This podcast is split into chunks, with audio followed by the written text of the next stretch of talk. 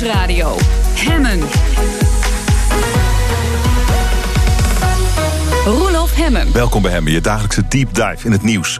Nog iets meer dan een week tot de gemeenteraadsverkiezingen. In aanloop naar die verkiezingen bespreek ik elke maandag de campagne met Jack en Frits. Jack de Vries, voormalig spindokter, staatssecretaris van het CDA. En Frits Hoefnagel, oud VVD-politicus en communicatiespecialist. Jack en Frits, welkom mooi jullie er zijn. Goedemiddag. Wat was jouw moment eh, de, de afgelopen week in de campagne, Jack? Nou ja, het was natuurlijk toch uh, ja, een geweldige opportunity voor de campagne. We zaten een beetje te wachten, gaat er nog wat gebeuren? Maar toen kwam daar die aankondiging van de ING ten aanzien van de beloning. men wist niet hoe snel men erbij moest uh, zijn om die bal op te pakken, op de stip te leggen en in te gekozen, stoppen. Goed gekozen moment ook. Goed gekozen moment. Ik dacht van waarom doen ze dat zo vlak voor de verkiezingen? Dat is buitengewoon lastig. Maar ze zitten natuurlijk met de termijnen die ze moeten hebben en handhaven voor hun uh, aandeelhoudersvergadering. Hm. Dus ze moesten wel. Maar communicatief kunnen we ook nog wel een half uurtje vullen om dat analyseren. Ja, wie heeft daar het beste gebruik van gemaakt? Nou ja, dat, we hebben hem nu voor de derde week op rij. Uh, Jesse Klaver. Uh, ja, Inderdaad.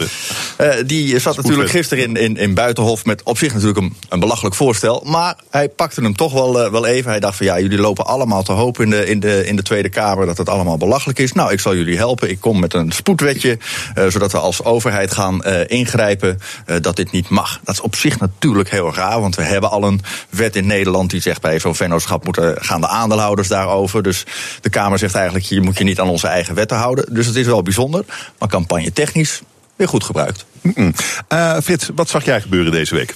Uh, ik had zowel bij het CDA als bij de VVD vond ik een mooi in de uh, campagne dat ze proberen om de link te leggen tussen daar waar die verkiezingen over gaan, namelijk de gemeenteraden, en het landelijke. Want het mooie is natuurlijk, hè, iedereen zegt de landelijke politiek moet zich er niet mee bemoeien, want het gaat over de gemeenteraad. Maar in de tussentijd zet wel iedereen die landelijke ja. kandidaten in, want die zijn in ieder geval bekend. Ja.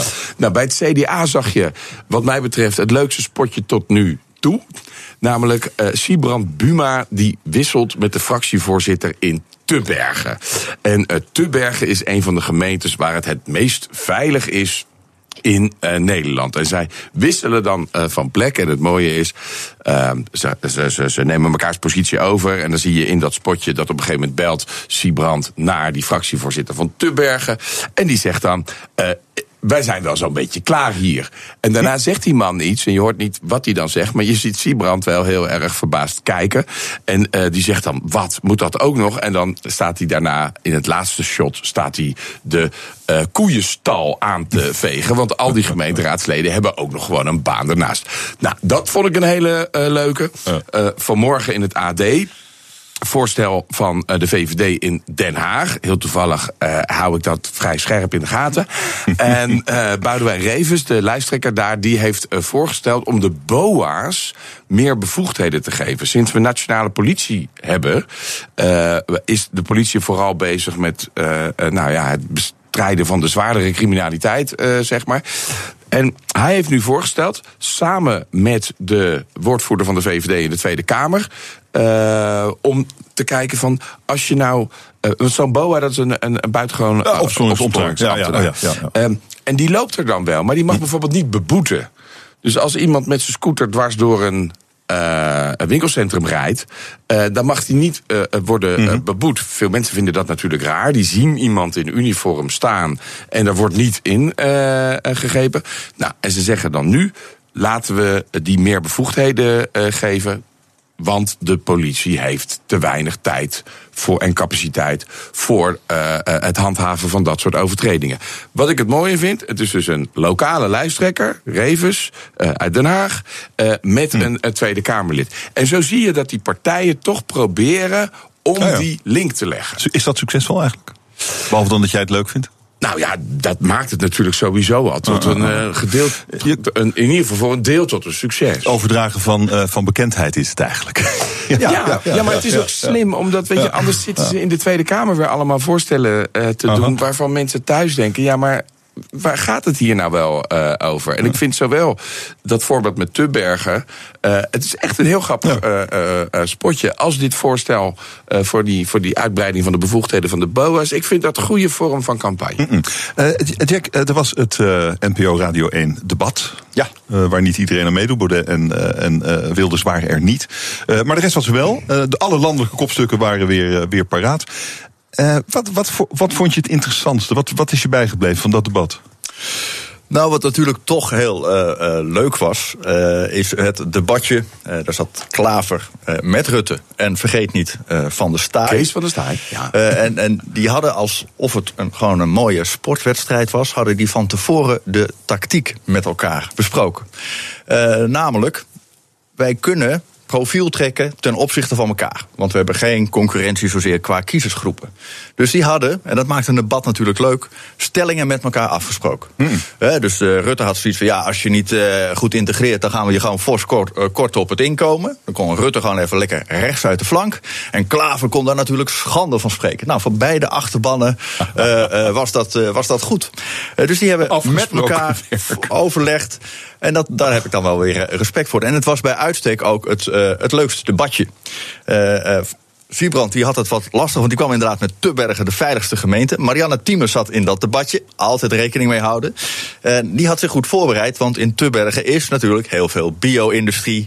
Uh, dus niks veiligheid. Het debat ging opeens over bio-industrie. En dat komt omdat Tubbergen, daar heeft het CDA de absolute meerderheid. Dus het was alweer een grappig momentje ah, tijdens dat debat. Maar of het electoraal veel effect gaat hebben, dit Radio 1-debat, dat valt te betwijfelen. Ik denk dat meer mensen bezig waren met wie is de mol. En dan geef ik graag het woord natuurlijk aan een vroegere deelnemer de in deze uitzending. Ik had, het, had je het goed? Goed. Nee. Had het goed. Vanaf aflevering 1.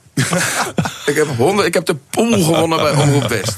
Vanaf aflevering 1. Het was fantastisch. Oh, oké. En heb je, heb je nog wel gelegenheid gehad om naar het NPO Radio 1 debat te luisteren, Frits?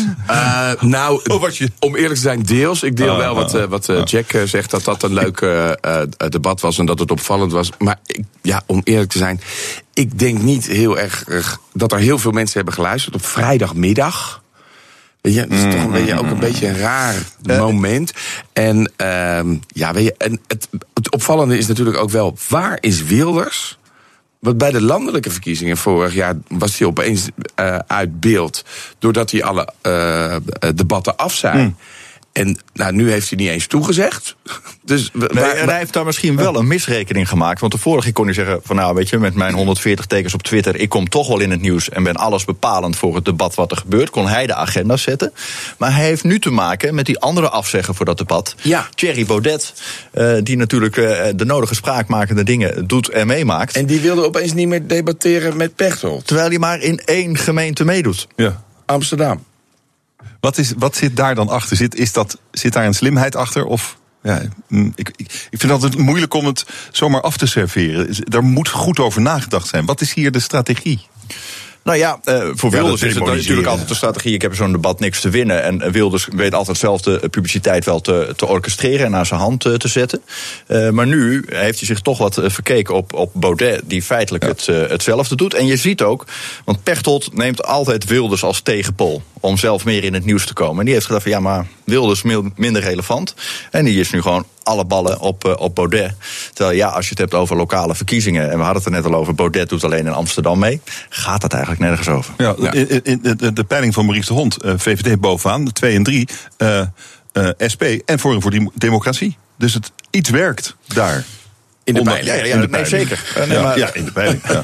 ja maar nee, je hebt altijd te maken natuurlijk met onvrede in de samenleving en proteststemmen. Uh, en er zijn natuurlijk wat mensen teleurgesteld geraakt omdat men dacht: hé, hey, mijn loonstrookje is in januari vele malen uh, beter. Terwijl een aantal van die maatregelen die moet nog, nog komen. En dan zie je altijd dat oppositiepartijen die spraakmakend zijn, SP, Forum, dat die daar profijt van trekken. Je ziet ook de eerste, eerste narigheid ontstaan in Rotterdam. We hadden daar dat het, het links verbond, dus de NIDA, de islamitische partij en een paar linkse partijen tegen leefbaar. Nou, nu uh, lijkt dat linkse blok onder druk te komen door een tweetje van NIDA uit 2014. Uh, eh, dat is toch interessant, waarin uh, de vergelijking wordt gemaakt tussen Israël en IS. Uh, en dat neemt de Partij van de Arbeid NIDA nu zo kwalijk dat ja. die samenwerking misschien wel eens niet doorgaat. Ja, en aan de andere kant heb je uh, ook weer dat uh, Pechtold heeft namens D66 gezegd dat uh, nu leefbaar aan het heulen is met Forum voor Democratie. Dat dat niet meer die leuke lokale partij is. Ja. waar ze, die opkomt voor Rotterdam. Maar dat dat een partij is waar ze dan niet meer mee willen samenwerken. -hmm. Dus dat wordt nog buitengewoon interessant in Rotterdam. Er wordt een Ik bende. denk dat ze daar een hele goede informateur nodig hebben. Ja, dat is een heel lastig college voor me. Het, eh, het, gaat, eh, het gaat op de verkiezingen aan. De, de laatste week begint eh, volgende week. Ehm, wat kan er nog gebeuren in de tussentijd? Van alles. Maar waar houden jullie rekening mee? Nou ja, we hebben bij de Kamerverkiezingen gezien dat opeens eh, Erdogan eh, nog eh, hielp om de campagne nieuw vuur in te blazen. En, Oh ja, en daar ja. heeft Rutte perfect van geprofiteerd. Dus het zit hem vaak in de onverwachte dingen. En wie weet daar het handigst op in te spelen. Qua agenda, als je kijkt naar de, naar de Kamer en wat er allemaal kan gebeuren, zit er nog, ja, vraag ik me af. Ook dat referendum trekt niet echt veel eh, aandacht en, en sporen. Helemaal niet zelf. Dus we zullen het van het onverwachte moeten hebben. Of misschien een heel goed voorbereid plan van een van de politieke partijen. En, ja, en eh, misschien Jesse wel weer op zondag. Eh, jongens, ik moet er een einde aan maken. We zien elkaar eh, volgende week weer eh, op maandag. Maar dan gaan we gewoon tot en met de dag na de verkiezingen door. Ik verheug me erop. Helemaal leuk. Jack en Frits, dank jullie zeer. Graag gedaan. Zometeen e-health maakt niet alleen de zorg beter. Het kan ook het gedrag van patiënten veranderen. Dat zometeen in Van Goed naar Beter. BNR Nieuwsradio. Hemmen. Van goed naar beter. Er gaat heel veel goed in ons land, maar laten we vooral ambitieus blijven. Het kan natuurlijk altijd beter. Vandaag in Van Goed naar Beter digitale zorg. Je hebt e-health, digitale zorg, en je hebt ook m-health. En dat is eigenlijk bijna hetzelfde, maar toch weer iets anders. Namelijk het op afstand in de gaten houden van patiënten. Mijn gast is hoogleraar in beide, Catharine Bolman van de Open Universiteit. Welkom mevrouw Bolman. Dankjewel. Uh, wat is precies het verschil tussen e-health en mobile health? Nou, e-health is uh, een verzamelnaam. En mobiel, dat, ja, daar valt heel veel onder. Eigenlijk alle of, ja, nieuwe informatie- en communicatietechnologie. En m-health is dat je specifiek gebruik maakt van mobiele devices. Dus draagbare uh, applicaties. Zo, die een patiënt bij zich kan dragen, zodat je hem op, op afstand uh, kunt, uh, kunt monitoren? Een patiënt, maar ook ja, mensen in de algemene bevolking. Als je het hebt over wearables bijvoorbeeld. Dat zijn een mobiele telefoon waarop je een app hebt om je beweeggedrag in, in de gaten te houden of je slaapgedrag. Dat zijn eigenlijk ook mobile health applicaties. Hmm. En je zou dat ook kunnen gebruiken voor bijvoorbeeld stop met roken. Dus het is niet alleen maar voor patiënten, maar ook voor okay. uh, ja, eigenlijk uh, iedereen. Okay. Iedereen kan het gebruiken. D dat is uw vakgebied, digitale zorg. Waar staan we op, uh, op dat punt? Um, nou, mijn, mijn, uh, uh, mijn specialisatie is eigenlijk leefstijlbevordering uh, aan de hand van e-health applicaties. En daarnaast self-management bij mensen die een chronische ziekte hebben. Dus ja, e-health is heel breed. En als je het hebt over e-health toepassingen binnen de zorg, dan is dat een veel breder gebied dan waar ik mee bezig ben. Als ik kijk naar, naar mijn eigen vakgebied, dan, ehm, dan zien wij wel dat we middels e-health applicaties mensen kunnen helpen om uh, hun leefstijl, om, om gezonder te leven. Ja, die voorbeelden meer, die je meer te bewegen. Tellen, ja, stoppen ja, met roken. dat soort dingen.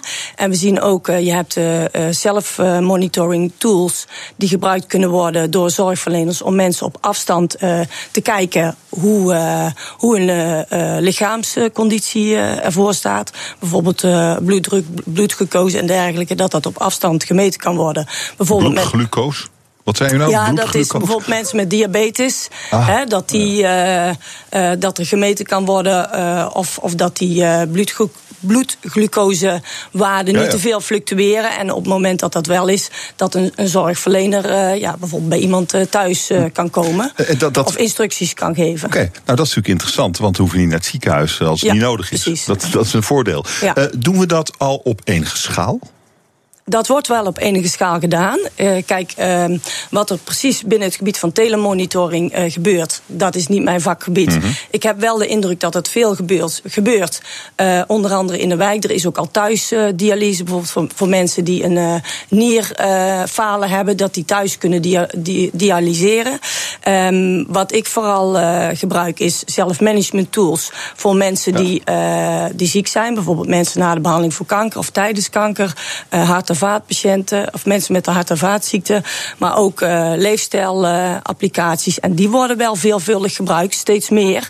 Maar je hebt het ook over uh, websites die mensen kunnen bezoeken als ze informatie nodig hebben. Bijvoorbeeld uh, over SOA's, hè, jongeren bijvoorbeeld, of over uh, partydrugs. je kunt het ook als iemand ondersteuning zoekt bij stoppen met roken, kun je natuurlijk uh, via internet kijken van nou, hoe kan ik dat beste aanpakken? Wat heb ik nodig? Bij wie kan ik eventueel terecht? Hm. Dus ja, dat is eigenlijk veel breder. Dus niet alleen voor de patiëntenpopulatie, maar ook voor de algemene populatie en risicogroepen. En, en dat, dat is uw onderzoeksgebied. En wat, wat is daarbinnen dan het belangrijkste? Waar verwacht u het meeste van de komende jaren? Nou, ik denk uh, preventie loont. Dus voorkomen dat mensen ziek worden, dat is belangrijk. En uh, we weten dat uh, bevordering van leefstijl een, een, heel belangrijk onderdeel daarbij is. Ja, de helft van de mensen die hebben overgewicht. De helft, de helft van de Nederlandse populatie, nog steeds een kwart van de Nederlandse populatie rookt. De beweging, we be bewegen nog te weinig.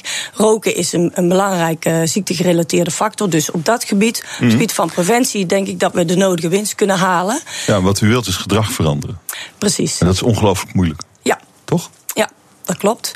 En wat we doen binnen die e-health applicaties is uh, dat we proberen om uh, gedragsveranderingsstrategieën die we gebruiken nu in uh, zeg maar algemene programma's of face-to-face, -face, dus in contact mhm. begeleiding, die proberen we toe te passen in een eh, in een e-health eh, applicatie. Kunt u daar eens een voorbeeld van geven? Ja, bijvoorbeeld bij, uh, bij Stoppen met Roken. We hebben bijvoorbeeld een programma ontwikkeld, Steun bij Stoppen, in samenwerking met de Universiteit Maastricht.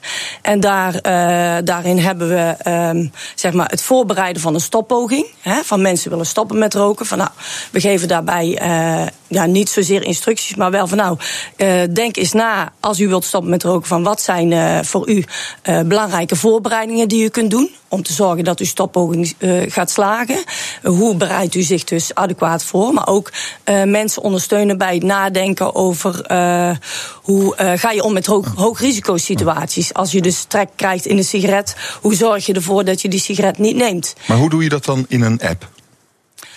Want daar hebben we het dan over, denk ik. Ja, nou ja, wij gebruiken op dit moment uh, nog heel veel uh, web-based applicaties. Maar het is de bedoeling dat dat op een gegeven moment op mobiele devices ah, komt. Oh, dat zover is er nog niet eens. Nou, dat is deels wel, die, die oh. zijn er al wel.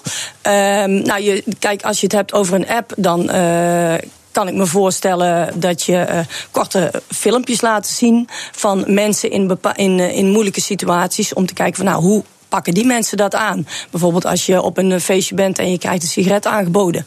Bijvoorbeeld. Van nou, hoe doen anderen dat? En ja, het is de bedoeling, of het zou goed zijn dat je daar dan uh, lering uit kunt trekken voor je eigen situatie.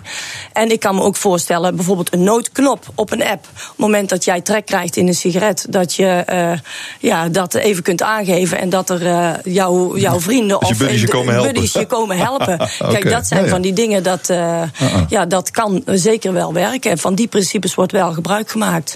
maar het zit ook in, er is ook zoiets als de kankernazorgwijzer. Dat Bent u enthousiast over, hè? Misschien even uitleggen wat het is. Zeer zeker. Uh, Kankernazorgwijzer is een, uh, een online uh, programma bedoeld voor mensen in de herstelfase na kanker. En ehm, we gaan daarbij in op de meest voorkomende problematiek: vermoeidheid, werkervatting, sociale relaties, leefstijl. Daar gaan we op in. En ja, we helpen die mensen, of we, geven ze tools in dat online programma om. Um, ja, de problemen die ze hebben wat beter uh, te kunnen uh, onderzoeken van nou, wat is er precies aan de hand. En om ze tools te geven om uh, ja, daaraan te werken. En daarbij uh, gebruiken, maken we bijvoorbeeld gebruik van ervaringsverhalen van andere mensen die uh, ook kanker hebben gehad. En die bijvoorbeeld op het gebied van bewegen goede ervaringen hebben van nou, hoe kan ik nou zorgen dat ik regelmatig beweeg? Of hoe zorg ik ervoor dat ik niet aan het, de hel, op halverwege de dag extreem vermoeid ben? Dus hoe zorg ik voor een goede dagindeling? Dat soort dingen. Maar, maar het, is ook weer eigenlijk een soort van ja, zelfhulp, kameradenhulp. Hè? Het is gewoon, je, uh, je zoekt bij lotgenoten informatie en steun. En dat organiseert u dan? Dat klopt. Uh, maar het is wel zo dat we dat op een, uh, een systematische, wetenschappelijk verantwoorde uh, manier in elkaar hebben gezet. En dat we natuurlijk filmpjes laten zien om mensen, om het beeldend te maken voor, voor, mensen. Maar er zitten ook een aantal opdrachten in om bijvoorbeeld na, voor jezelf in kaart te brengen van nou, hoe ziet mijn, mijn dagindeling eruit? Hoe ziet mhm. mijn week eruit? En hoe kan ik in die, in die week, wat voor dingen kan ik doen? Om ervoor te zorgen dat ik uh, niet te vermoeid raak. En hoe kan ik uh, met mijn uh, baas dingen bespreekbaar maken over ja, dat je bepaalde restklachten hebt waardoor je ehm, bepaalde werkzaamheden niet kunt uitvoeren. En dat laten we inderdaad enerzijds zien uh, middels uh, ervaringsverhalen van mensen, maar we, we geven ook experts. Dus we laten ook experts erover spreken. Die filmpjes kun je ook zien. En die mensen, er zijn gewoon een aantal opdrachten. En er is natuurlijk materiaal, geschreven materiaal, waarmee je, je verder kunt.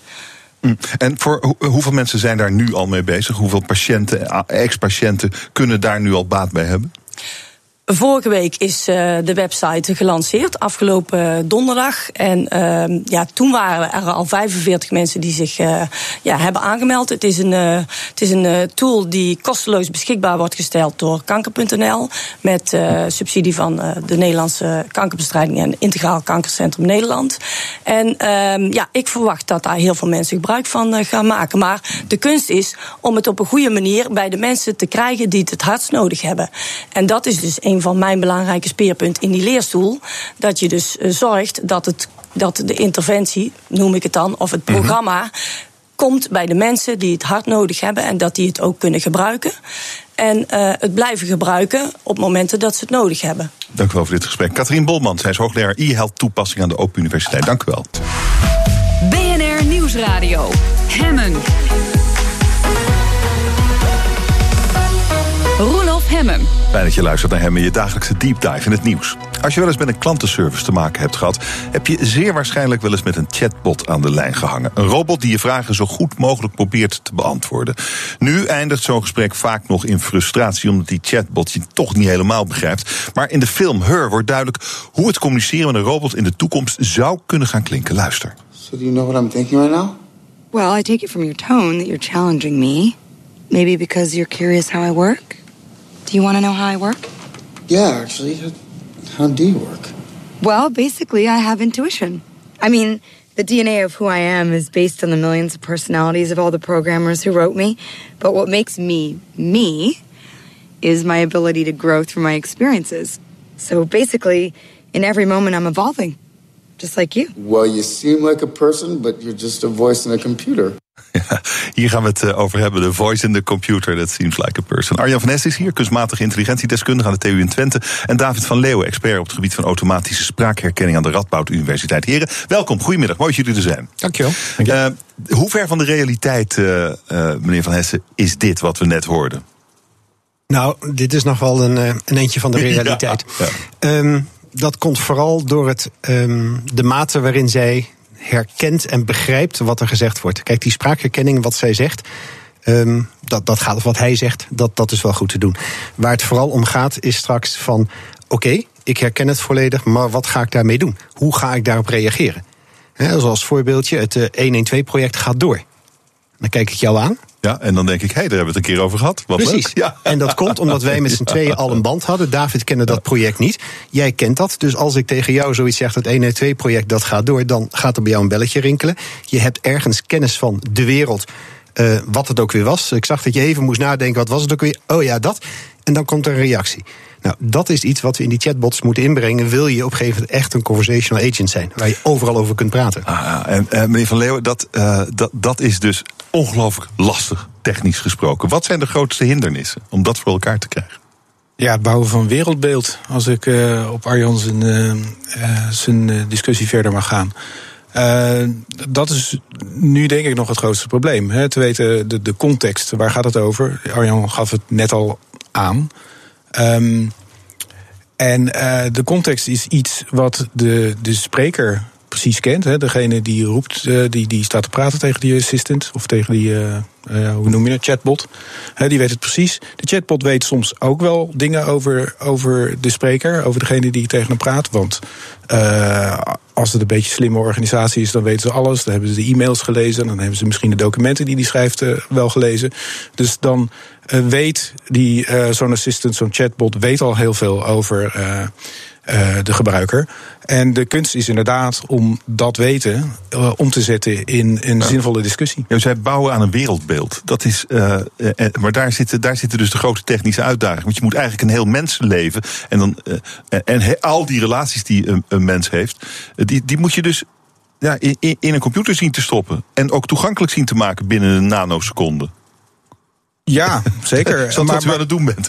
Maar ja, maar, ja het gek is, uh, als ik met u sta te praten, dan weet ik niet zoveel van u, maar toch kunnen we het hebben over het weer, over uh, de politieke situatie in Amerika of wat dan ook. En dat, dat zijn dingen die vallen allemaal onder het wereldbeeld. Het is een gemeenschappelijk, gemeenschappelijke kennis die we allebei hebben en die, die we van elkaar kunnen aannemen dat we hebben. Zonder we elkaar echt echt kennen. En waar natuurlijk de huidige assistants erg goed zijn, is het uh, goed kennen van de persoon. Door het lezen van de e-mails, door het lezen van de documenten enzovoorts. Maar dat wereldbeeld, dat moet men halen uit het scannen van nieuwsites, uit uh, het bestuderen van Wikipedia, dat soort, dat soort zaken. En, en wanneer zijn we daar? Wanneer zijn we daar? Overmorgen. ja, ik heb afspraak spaan en uh, overmorgen uh, zijn ze klaar. Ja. Denk het niet. Nee, nee, niet echt. Maar waar, waar, waar, sta, waar staan we dan op dat uh, gebied? Nou, we staan al op het gebied dat uh, ik heb uh, net nog gelezen uh, dat er worden wedstrijden gedaan voor computerwetenschappers om, om te bepalen hoe goed en hoe lang iemand nou met een zo'n chatbot bezig kan zijn op een manier dat hij het leuk blijft vinden. Dus niet alleen dat hij doorheeft dat het uh, of niet doorheeft dat het een computer is. Want dat is eigenlijk, ja, dat is op zich een leuke taak, maar niet zo interessant. Waar het om gaat voor een hoop technologiebedrijven is om die gebruiker maar aan de praat te houden, om hem, om hem uh, entertained te houden. Is dat wat, er, wat Google en Amazon bijvoorbeeld willen? Ja, ik denk het wel. Die, die interactie met die gebruikers die moet zo lang mogelijk uh, okay. blijven bestaan. Want uh, ja, net zoals bij, uh, bij de radio en bij de televisie, je wil niet dat mensen wegzappen. En zo zal het ook wel zijn bij ja. die interacties met, met een, een dienst van Google of van Amazon. Hè. Google wil dat je bij Google blijft en niet overstapt op Amazon. Absoluut. En, en maar is dat, uh, kijk, daar, daar zijn we nog lang niet, meneer Van. En ook uh, Google en, en, Amazon niet. Hoewel daar volgens mij 5000 hele slimme mensen aan werken elke dag. Ja, maar gaan, uh, we zullen een afspraak maken voor over vijf jaar. En dan wil ik er nou wel eens zien hoe ver we zijn. Het, het gaat hard. Namelijk heel ver, denkt u. Ja. ja. Kijk je naar bijvoorbeeld wat IBM doet met Watson. Die zijn ook al heel erg ver. Die hebben dat spelletje Jeopardy een paar jaar geleden gewonnen. Daar zie je al die kennis van de wereld, die zie je al terugkomen. Daar kun je dus echt vragen van een rare vraag stellen. En dan gaat hij door al zijn, zijn teksten heen, gaat hij, gaat hij minen en komt hij terug met een juist antwoord. En hij is wereldkampioen geworden. Um, dat is nog niet hetzelfde als die chatbot. Want wat, wat je bij chatbot ziet is ook een zekere menselijke gezelligheid. Ik weet iets van jou en ik vraag hoe was je weekend. En dan geef je antwoord op. En ben je nog met je vrouw daar naartoe gegaan? Blunder, want je hebt geen vrouw, bijvoorbeeld.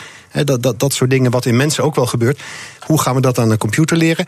Maar het gaat wel heel erg hard. Er is enorm veel data, er is enorm veel opslag. Snelle computers, slimme algoritmes. En het economische belang is heel groot. Dus aan mm -hmm. alle kanten wordt er kei, keihard aan gewerkt. Dus ik denk dat we over vijf jaar de eerste voorbeelden krijgen van hele leuke ja, conversational agents of, of, of robotjes, de Alexa, de Google Homes, of hoe je het ook wil noemen, die bij mensen thuis staan. En waar mensen ook gewoon voor de gezelligheid mee gaan praten. En, wat is, waar is de gezelligheid in de computer dan? Dat zit hem in die, in die. Hij kent die computer, die kent jou als persoon. Heb jij een en huisdier? weet wat jij doet. Ja. Praat je er wel eens mee? Uh, nou, mijn hond zegt niet veel terug. Maar we hebben het nee, wel heel leuk samen. Maar je praat er wel tegen. En ik doe het wel. Ja, dus ik denk, hij is overleden. Ja, ja. Maar ik, ik, ik sprak wel eens met mijn hond. Kwam je thuis en zei: Ha, Pepper, leuke. Ja, oh, dat zo. Weer... Ja, natuurlijk. Ja, maar waarom? Voor die hond maakt niet uit. Je kunt net thuis komen in het Engels beginnen of in het Spaans. Voor die hond maakt dat niks uit. En toch doe okay. je dat. Dus wij mensen hebben heel erg die neiging om met dingen om ons heen. om daarmee te converseren. Je auto doet het weer niet. Dan word je kwaad. Dan zeg je tegen je collega: Ze deed het weer niet. En, hij deed het niet. Hij deed het niet. Ze. Ja, interessant dat je en, auto en straks heb je zo'n kastje voor je neus staan. En denk eens even aan alle mensen die, die oud en bejaard en eenzaam zijn. Er is een paar jaar geleden zo'n documentaire geweest over Alice... waarin je zo'n echte duidelijke robot bij mensen neer werd gezet. Binnen een dag gingen die mensen daarmee converseren... alsof het gewoon echt een levend iets was. Ze begonnen, je bent plastic met een batterij. En uiteindelijk namen ze mee naar de, naar de supermarkt in de rollator... als een soort companion. Daar kun je heel veel van vinden, maar als het straks goed kan en we zorgen ervoor dat daardoor die mensen minder eenzaam zijn en er toch iets aan hebben, is het wel een grote winst voor de maatschappij. Maar we willen uh, toch, uh, voor of ze, de grote bedrijven, willen natuurlijk gewoon geld verdienen met die, met die chatbots. U noemde het net al even, meneer Van Leeuwen. Ja. dus, hij moet aard, dus hij moet, ja, waarschijnlijk. Dus hij moet uh, aardig zijn. Hij moet je begrijpen. Hij moet je vriendje kunnen zijn. En hij moet je zo lang mogelijk bezighouden. Dat stelden we vast. nou, wat is er dan technisch voor nodig om, om, om een apparaat te ontwikkelen dat dat, dat, dat echt goed kan? He, meneer Van Hessen zegt, binnen vijf jaar staat hij gewoon op je bureau. Ja, nou, ik denk dat technisch gezien de uitdaging, dus, dus qua algoritmes is men al heel ver. Qua computer power is men ook al heel ver. Uh, daar zijn ook enorme fruit, fruit is, is heel veel vooruitgang geboekt de afgelopen jaren. Waar het trucje denk ik in zit, is om erachter te komen wat is goed en wat is fout.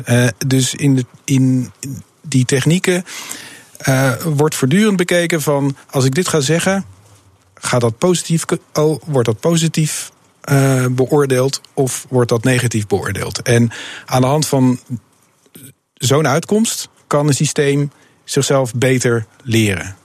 Dus uh, wat, wat mensen willen, technisch gezien, is uh, veel gegevens over of dat wat ze doen, of dat goed uitpakt per, per interactie of slecht uitpakt. En als men die data heeft, en dat is natuurlijk het slimme trucje, dan kan men systemen beter maken. En ja, om precies te bepalen van ja, wanneer doe ik het goed en wanneer doe ik het fout? En hoe, evalueer, hoe zwaar weeg ik goed en fout in, in de verschillende, uh, verschillende omstandigheden? Dat is, daar zit nog wel heel wat, uh, wat engineering in. Ja, en, en een paar krankzinnige filosofische vraagstukken, denk ik ook. Als er... Wat is goed in welke omstandigheid? Bij ja, het is niet zozeer moreel goed of fout, maar het is meer van wordt de persoon er blijer van of niet? En ja. kijk, een hele simpele manier is van als die persoon ophoudt en zegt hou je kop, uh, ik ga wat anders doen, nou dan was je fout bezig. Hè? Dus dat, het als iemand, iemand ja, uh, doorgaat en meer vragen gaat, gaat stellen of uh, meer interacties aangaat, nou dan ben ik eigenlijk goed bezig. Maar, maar zo'n zo'n programma moet dan natuurlijk ook, die moet uh, je, je, intonatie van je stem herkennen. Hij moet je gemoedstoestand herkennen. Hij moet, hij, zo, hij moet zulke moeilijke dingen doen. Als wij naar elkaar kijken, kan ik, ja, kunt u aan mij zien hoe ik me ongeveer voel. En ik kan ja. het bij u ook wel een beetje zien. Dus dat ja. is wel, dat, hoe kan een computer dat doen? Hoe programmeer je dat? Uh, ja, hoe programmeer je dat? Ja, dus Nogmaals, ik, ik, kan er een college over gaan geven, maar het is misschien een beetje kort. En ook over de radio, je wil graag plaatjes gebruiken. Ik weet niet of ik het meteen begrijp. Uh, ja, maar, maar, maar, nogmaals, uh, de, ook, ook het herkennen van is iemand blij of niet, kijkt hij blij of niet. dat is goed te doen als je maar voldoende voorbeeldjes ja. hebt. En daar wordt ook heel veel aandacht aan besteed. Er zijn heel veel mensen die verzamelen data over mensen die een beetje blij kijken en mensen die minder blij kijken. En ook daar, uh, daar zijn we al tientallen jaren mee bezig. En uh, daar wordt ook voortdurend uh, progressie uh, mee geboekt. En u denkt ook, binnen vijf jaar staat er gewoon uh, zo'n, zo'n, uh, zo'n ja, hoe noem je het? Een, een, een bot, een chatbot, een vriendje op je bureau.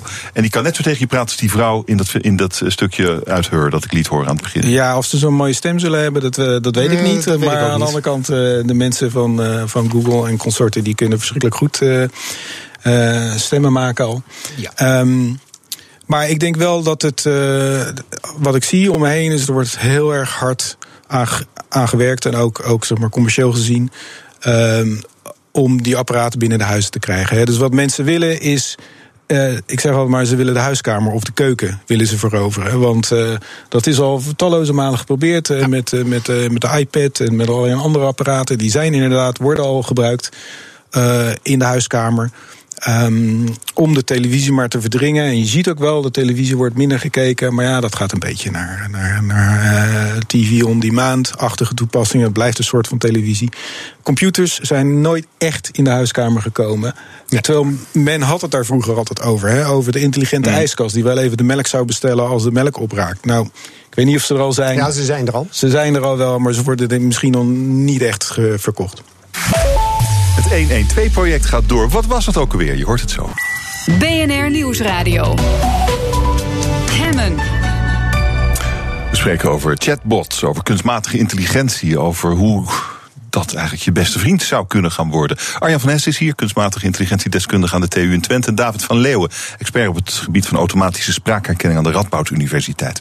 Um, die grote techbedrijven, Google, Amazon, we hadden het al een beetje over, die zijn goed op weg met het ontwikkelen van die persoonlijke assistent die misschien wel de huiskamers eh, gaat veroveren. De Echo van Amazon klinkt zo. Alexa, tell me about the Amazon Echo. Amazon Echo is a device designed around your voice that can provide information, music, news, weather and more. Okay. Cool. Alexa, how many teaspoons in a tablespoon? One tablespoon equals three teaspoons. Alexa, put on my Saturday playlist. Playing your Saturday playlist. Alexa, tell us a joke. Where does the polar bear keep its money? In a snowbank. Ja, oké. ja. Uh, nou, dit, dit, is natuurlijk leuk. De Echo van Amazon. Hij, ja, wat is, hier, wat is hier revolutionair aan, meneer Van Hessen? Het, revolutionair is, is dat het een betrekkelijk open systeem is. waarin alle ontwikkelaars die daar op een gegeven uh, toestemming voor krijgen van Amazon mee mogen spelen. Dus heb jij een televisie die zegt je wil ik met uh, de Echo bedienen. Oké, dan krijg je dat. Dat zorgt voor een enorme omweld aan, aan apparaten en, en diensten die erop werken. Dat is één ding. De spraakherkenning, in ieder geval voor het Engels, is meer dan voldoende goed om hem ook echt zinvol te kunnen inzetten. En wat je nu ziet is dat uh, Amazon wil verder met uh, de Echo, willen nog meer, nog groter, uiteraard de concurrentie van een beetje Apple, maar die zijn die lopen achter en Google vooral, die dat uh, willen inhalen. En wat David net al aangaf, wie straks de basis is over zo'n zo'n kastje. Die heeft natuurlijk een enorme impact op het leven en dus ook op zijn eigen verkoopstrategieën. En dat is natuurlijk wat Amazon wil. Die wil straks dat je allerlei dingen gaat bestellen op deze manier. En de rest, dat is er eigenlijk, dat hoort erbij. Die televisie zijn ze niet in geïnteresseerd. Maar als je het zo goed doet, ja, dan wordt het wel heel erg interessant om zo'n kastje eh, op tafel te hebben staan. En die als een soort maatje te gebruiken om in je dagelijks leven dingen die nou, uh, nog makkelijker te kunnen doen. En waar, waarom is Apple er niet zo goed in eigenlijk? Ja, Siri is uh, vrij. Uh, de spraakherkenning van Siri. Nou, de spraakherkenning van Siri is helemaal niet slecht. Pak je die, je iPhone en je gaat er tegen praten. De herkenning is bijna foutloos. De, dat is het punt. Er komt alleen niet zoveel terug. Dat is het punt. Wat doe je ermee? En dat is hetzelfde. Ik kan nu in het Italiaans tegen jou gaan praten. Dat herken je misschien of je verstaat wat ik zeg. Maar je zegt, ja, ik ken die woorden niet. Wat moet ik daarmee doen? En dat is de volgende stap. En wat David net al aangaf, dat zijn de intelligente dingen wat je moet doen. Die spraakherkenning, het is niet een opgelost probleem, maar we zitten er wel heel dicht tegenaan. In sommige gevallen uh, evenaart hij dat van mensen. Maar wat ga je daar in godsnaam mee doen? Hoe ga je dat, uh, ik zeg tegen je, God Bernard, wat jij net zei. En dat is heel erg moeilijk. Wat bedoel Zijn ik met net? Zeg? He? Ja, sorry. Ja. Oh, sorry. Bernard Roelof. Ja, nee, nee, nee, nee, nee, nee. Maar kijk, dit is ook weer een typisch iets van... hé, hey, jij geeft gelijk aan van dat je eigenlijk anders Ja. heet. Je interrumpeert meer, denkt... oh ja, nee, er is een foutje ergens in mijn processing, in mijn data. Zat er een foutje. Ehm, en daar, daar ga je als, als mens mee om. En hoe ga je dat straks doen? We herkennen het allemaal wel, maar wat doe je ermee? En daarin loopt Apple een beetje achter dat die echte AI van de herkenning is goed, maar wat doe ik daar in godsnaam mee? Dat is lastig voor hen om dat eh, te handelen op dit moment. Meneer u noemde al die wedstrijd die is eh, uitgeschreven door Amazon Ja. eh, vorig jaar. De, de beste informatica studenten ter wereld mogen dan nadenken over precies waar wij het nu over hebben. Ehm, hoe gaat dat? Levert het al wat op? Heeft u, een- heeft u er zicht op? Eh, Ik hou het niet zo heel erg bij, maar eh, eh, in dit soort gevallen zitten er vaak. nou ja, de, de, de belangrijkste prijs is de eer, denk ik. Maar ik geloof dat in deze, deze prijzen, waar dan specifiek een, een groot bedrijf achter zit, zijn er ook monetaire. Een half miljoen dollar. nou ja, goed. Hè? Eh, en vooral ook eh, de, de, vo- de vooruitzichten dat als je eenmaal zo'n prijs wint, dan, eh, dan ben je binnen wat, wat je baan betreft in je toekomst. Zeker, zeker bij die grote Amerikaanse bedrijven. Als je bereid bent om naar Californië te verhuizen. Dan, eh, dan zit er zeker een, toekomst is er voor je weggelegd. Dus, dus mensen willen graag zo'n competitie winnen. Maar ik denk uit eigen ervaring meer om, eh, om zeg maar, de, de, de strijd met de, de, de mede-academici dan om die uiteindelijke geldprijs. Ja, dat is natuurlijk in dit geval Ja. een, een, mooi meegenomen. Maar hier, hier gaat het, dit, zijn, de- dit zijn de slimste ter wereld, denk ik dan. Op dit gebied, eh, Ja, zeker. Gaat, daar want gaat, er iets- eh, als er iemand- gaat dus iets gebeuren. Ja, ja, Die, die mensen die zijn lekker bezig. Het wel zeggen. ja. Maar, maar het gaat ook gebeuren. Het, het, daarom Ja, zeg ik, die, die voorspelling van vijf jaar... het zou me niks verbazen als het eerder is, maar dat, dat gaat er echt komen. En iedereen stort er. En op die wedstrijd van Amazon hebben geloof ik meer dan 100 universiteiten ingeschreven. Er zijn er iets van 20 geselecteerd en drie hebben er eh, een prijs gekregen. Maar daar zie je al, en ze hebben enorm veel data gekregen. En voor Amazon was het helemaal een koopje. Die kregen enorm veel data en kennis en goede mensen. Voor slechts, nou wat is het, 2 miljoen euro wat Aha. het hele project gekost heeft. Dat is een koopje. Ja. Slimme strategie. Ja, dat is een hele slimme Eh, strategie. We, we hebben het nu wel steeds over Amazon en Google en over eh, hoe je daar geld mee kunt verdienen. Eh, maar waar u aan refereerde aan het begin van ons gesprek, dat 1 en 2 project, eh, meneer Van Essen, dat, eh, dat gaat dus gebeuren. Wilt u even uitleggen, wat is het ook alweer en wat gaat er nu gebeuren? Ja, nou, de, de kick-off is over twee uur in Driebergen. Wat gaat er gebeuren? De politie wil data gestuurd gaan werken. En dit is eigenlijk van spraak naar informatie. En niet wat we eigenlijk altijd deden van spraak naar tekst. Ik zeg iets en dan krijg je een textuele representatie... en daar gaat iemand wat mee doen. Dat werkt nou ja, redelijk goed. Maar de politie zegt nu, ik wil de mensen in de meldkamer... de 112-meldkamer wil ik straks gaan ondersteunen. Iemand zegt iets, ik sta hier op de Malibaan in Utrecht dan kan een medewerker automatisch, omdat het de computer herkent Malibaan Utrecht, naar Google Maps gaan en daar een plaatje laten zien. En dan kan die mevrouw een hele lange weg zeggen: staat u aan het begin bij de spoorlijn of het einde bij het water? Bij het water. En dan weet zo iemand direct waar iemand anders staat. Dus het is echt de bedoeling om van spraak naar informatie te komen. Mhm. Niet om mensen eruit te gooien, maar juist om de medewerkers die al een enorm zware workload hebben, te ondersteunen bij het doen van die dingen die ze moeten doen in de 112-centrale. En dan weet je, heb je, je hebt sneller een completer beeld. Omdat je, eh, omdat je uit die informatie die iemand eh, via de telefoon geeft, al de belangrijke dingen kunt halen. Precies. En ehm, eh, hoe- hoeveel kun je eruit halen? Kan alles? Nee. Zeker Wat kan er niet? Dat weten we niet. En dat gaan we dus Oh, testen. dat is dus test, dat, ja, dat is echt ja. Het, het project. Het is dus een combinatie van, van de Radboud en Telecat. En wat we nu gaan doen, we hebben tegen de politie gezegd... we gaan het niet voor jullie oplossen. Dat, dat kan gewoon niet. We gaan eerst een nieuwe centrale bouwen. Die is net afgelopen week klaargekomen. Hoge Hm. kwaliteit spraak. We gaan opname maken. Vandaag wordt er ook gekeken van welke studenten gaan we daarvoor vragen. Want die moeten natuurlijk ge- ge- gescreend worden. Want het is echt wel vertrouwelijke informatie. Het zijn 1 en 2 gesprekken. En die gaan het letterlijk uitschrijven. Om te kijken van hoe goed Ah ja. kunnen we dat herkennen. Stel dat we 100% kunnen herkennen. Wat kunnen we dan met AI voor slimme dingen eruit gaan? Hoe zie ik dat Hans van Utrecht niet de stad Utrecht is, maar een naam van een persoon, namelijk Hans van Utrecht? En dat zijn hele lastige dingen. En we gaan eerst die database bouwen en we hebben de politie beloofd. We gaan 40 uur helemaal minutieus getranscriberen met alle dingen. We gaan ook zeggen, het is een werkwoord, het is een zelfstandig naamwoord. Dit is een plaats, dit is een organisatie, dit is een mensennaam. Gaan we erin stoppen. Stel dat we die 100% halen, wat kun je dan vervolgens daarmee doen? En we gaan kijken met zo goed mogelijk met die spraakherkenning en andere systemen, hoe dicht bij die 100% kunnen we komen. En daarvoor heb je zo'n database nodig en die gaan we maken. Ja, dit is wel eh supercool, denk ik dan. Vindt u ook niet, meneer Van Leeuwen? Ja, dit is goed. Zijn- zijn er nog- zijn er nog- verzamelen van data is altijd goed. Zeker als het in academische eh, context gebeurt. Zijn, er, zijn er meer eh, toepassingen van deze technologie? hè? Los van, van al die bedrijven die daar, die daar geld mee willen hebben, die onze aandacht willen. Wat, wat, wat, wat ziet u nog meer voor toepassingen? Nou ja, je kunt als een ding helemaal in je, in je, in je huiskamer staat, dan kun je er inderdaad van alles mee. Er wordt al eh, gewerkt natuurlijk ook aan het bedienen van allerlei eh, dingen in je huis. Eh, doe het licht aan, doe de deur op slot. eh, bestel, eh, kijk, kijk of er nog melk is en, en bestel het bij, eh, bij de online dienst die, die mij melk levert. Dat zijn toepassingen, vrij voor de hand liggende. En dat is natuurlijk eh, meer voor de, voor de first adopters die dat nou leuk vinden om een huis vol te hangen met allerlei elektronica. heeft u dat dan? Eh, ik heb mijn huis vol hangen met eh, lichten die ik met eh, hand aan en uit kan doen. Ja. Ik heb het nog niet, maar ik heb wel geprobeerd Ik om zo'n Ja. zo'n Google eh, Home te kopen. Alleen hij was nog niet te koop. Nee, nee, hij komt Ik ook had twee maanden in het dochter Nederlands. de opdracht gegeven, bestel dat nou voor me voor mijn verjaardag. Maar dat is niet gelukt. Dus, eh, dus ja, Ben- ja. ben- bent u er blij mee, meneer Van Hessen? Ja, Wat ik heeft u precies? Ik, heb, eh, ik gebruik Siri om de, ehm, de lichten te bedienen. Ah. Eh, Om mensen te bellen. Dat doe ik eigenlijk alleen maar met spraak. Eh, zeker toen mijn hond nog leefde, liet ik dan smiddags uit en heb je je handen vol. En dan druk je op een knopje of op je koptelefoon. En dan zeg je: bel David van Leeuwen mobiel. En dan ging hij David bellen. Kun je niet zeggen, Siri laat de hond uit? Nee, dat, eh, dat komt, maar dan moet ook die vijf jaar nog wachten. Nee, dat is een van de toepassingen. Maar een antwoord op de vraag van net, waar wordt het voor gebruikt? Het wordt al heel erg massaal ingezet. Alleen wat 112 speciaal maakt, is dat het de wereld bevat. En dat maakt het, waar we het net over gehad hebben, zo complex. Terwijl het wordt heel veel gedaan voor bijvoorbeeld een zorgverzekeraar, voor de ANWB, de Consumentenbond. Maar dan weet je vaak, hè, dan is het domein beschrenkt. Dan, dan, dat is af, ja, gelimiteerd. En dan is het niet zo moeilijk. 112 is heel lastig. A, ook omdat de politie zelf zegt... mensen die 112 bellen zijn nooit rustig. Je bent altijd gespannen. Dus je gaat haastig praten, je wil alle informatie geven. Ehm, dat maakt het, het herkennen van de spraak ook lastiger dan in een gewone situatie. En als het misgaat, is het ook minder prettig. Dus je, je moet dat, het, het is echt nog wel een, een slag ingewikkelder dan eh, wat er nu al gedaan wordt bij allerlei bedrijven en overheidsorganisaties. Maar daar wordt het al ingezet.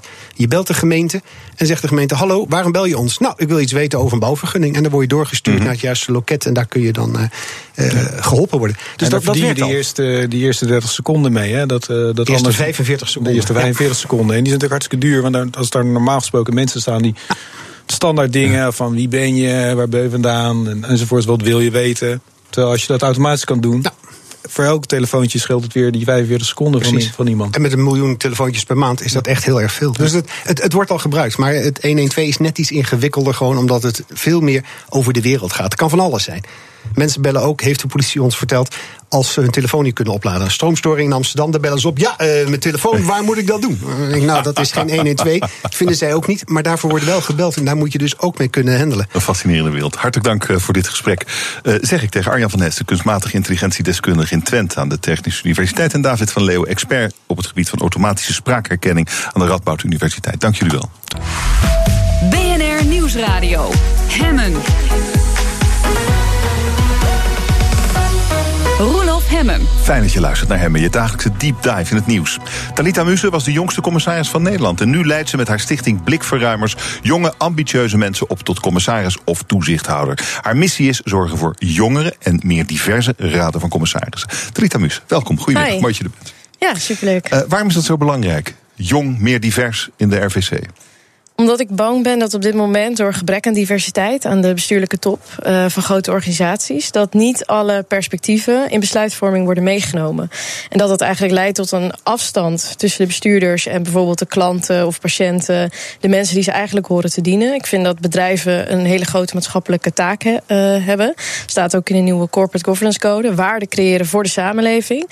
Maar ja, hoe weet je goed wat waarde creëren voor de samenleving is als je met een hele homogene doelgroep uh, aan de top zit van allemaal, ja, laten we het zeggen, mannen van uh, 60 plus, uh, blank, met eenzelfde soort bestuurdersachtergrond. Mm, zoals Anthony Burkman, zoals Jeroen van der Veer, bijvoorbeeld maar een paar bekende commissarissen te ja, noemen. Of wat, nu, wat, dat, wat, ja. wat, wat, maakt, wat maakt jou als toezichthouder dan anders dan die twee mannen, bijvoorbeeld? Nou, ik denk in de eerste plaats omdat je toch uit een andere tijd komt, dus een andere generatie. En als je daarin gelooft, in gener generatietheorie. Ja, maar jij, jij bent geboren in 1991. Ja, 91. Dus wat je dan eigenlijk gelooft is dat de omstandigheden, cultureel, politiek, economisch, in een bepaalde tijd uh, ook uh, van invloed zijn op wat voor manier jij kijkt naar de samenleving, naar organisaties, wat je van ze verwacht, eigenlijk wat je ook normaal vindt, wat is common practice, dat dat toch verschilt uh, naar gelang de tijd waarin je bent opgegroeid. En dat je daardoor andere perspectieven hebt, bijvoorbeeld op duurzaamheid of op nieuwe technologieën. Mm. Dat kan, kan, op heel veel vlakken kan dat, kan dat zich uiten. Um, nou, dat is waarom je uh, Stichting Blikverruimers hebt opgericht. Dat is waarom je mensen opleidt. Uh, hoe ziet de opleiding uit en wie, wie zijn eigenlijk je studenten?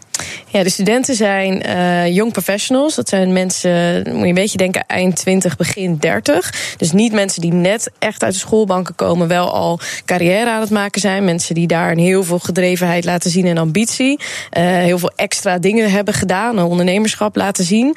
maar vooral heel veel interesse hebben om betrokken te zijn bij de top van organisaties. Dus ook wat strategisch inzicht hebben. Hm. Wat ze vervolgens krijgen aangeboden is eigenlijk een programma om alle soort van theoretische kennis die je gewoon nodig hebt om mee te kunnen draaien uh, in een raad van bestuur of in een raad van commissarissen. En dan moet je denken aan dingen als natuurlijk dat je finance op orde moet zijn, uh, legal, uh, boardroom dynamics. Dus dat je juridisch ook gewoon begrijpt wat zijn de verantwoordelijkheden, hoe zit het met aansprakelijkheid, hm. wat gebeurt er daar.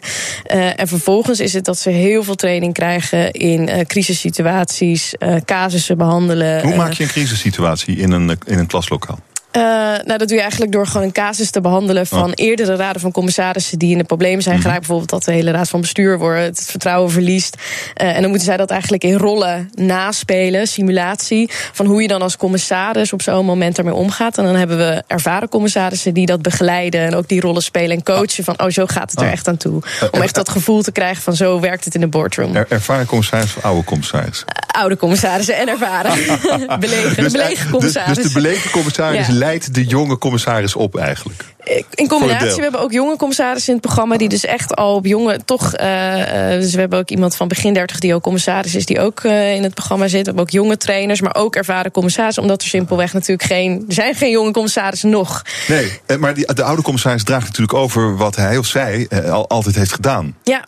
En dat is iets waarvan jij zegt, ja, dat is old school. Ja, dus ik, ik, we, we zoeken ook een mix. En het is heel goed dat je zegt, we zoeken een mix in het programma van aan de ene kant ook weer niet te veel ervaring overdragen. Want juist ons statement is van soms is gebrek aan ervaring een competentie aan zich. Hè? Dus het frisse, het omvangen, het je, soms misschien de naïeve vragen kunnen stellen van waarom doen we het hier eigenlijk zo.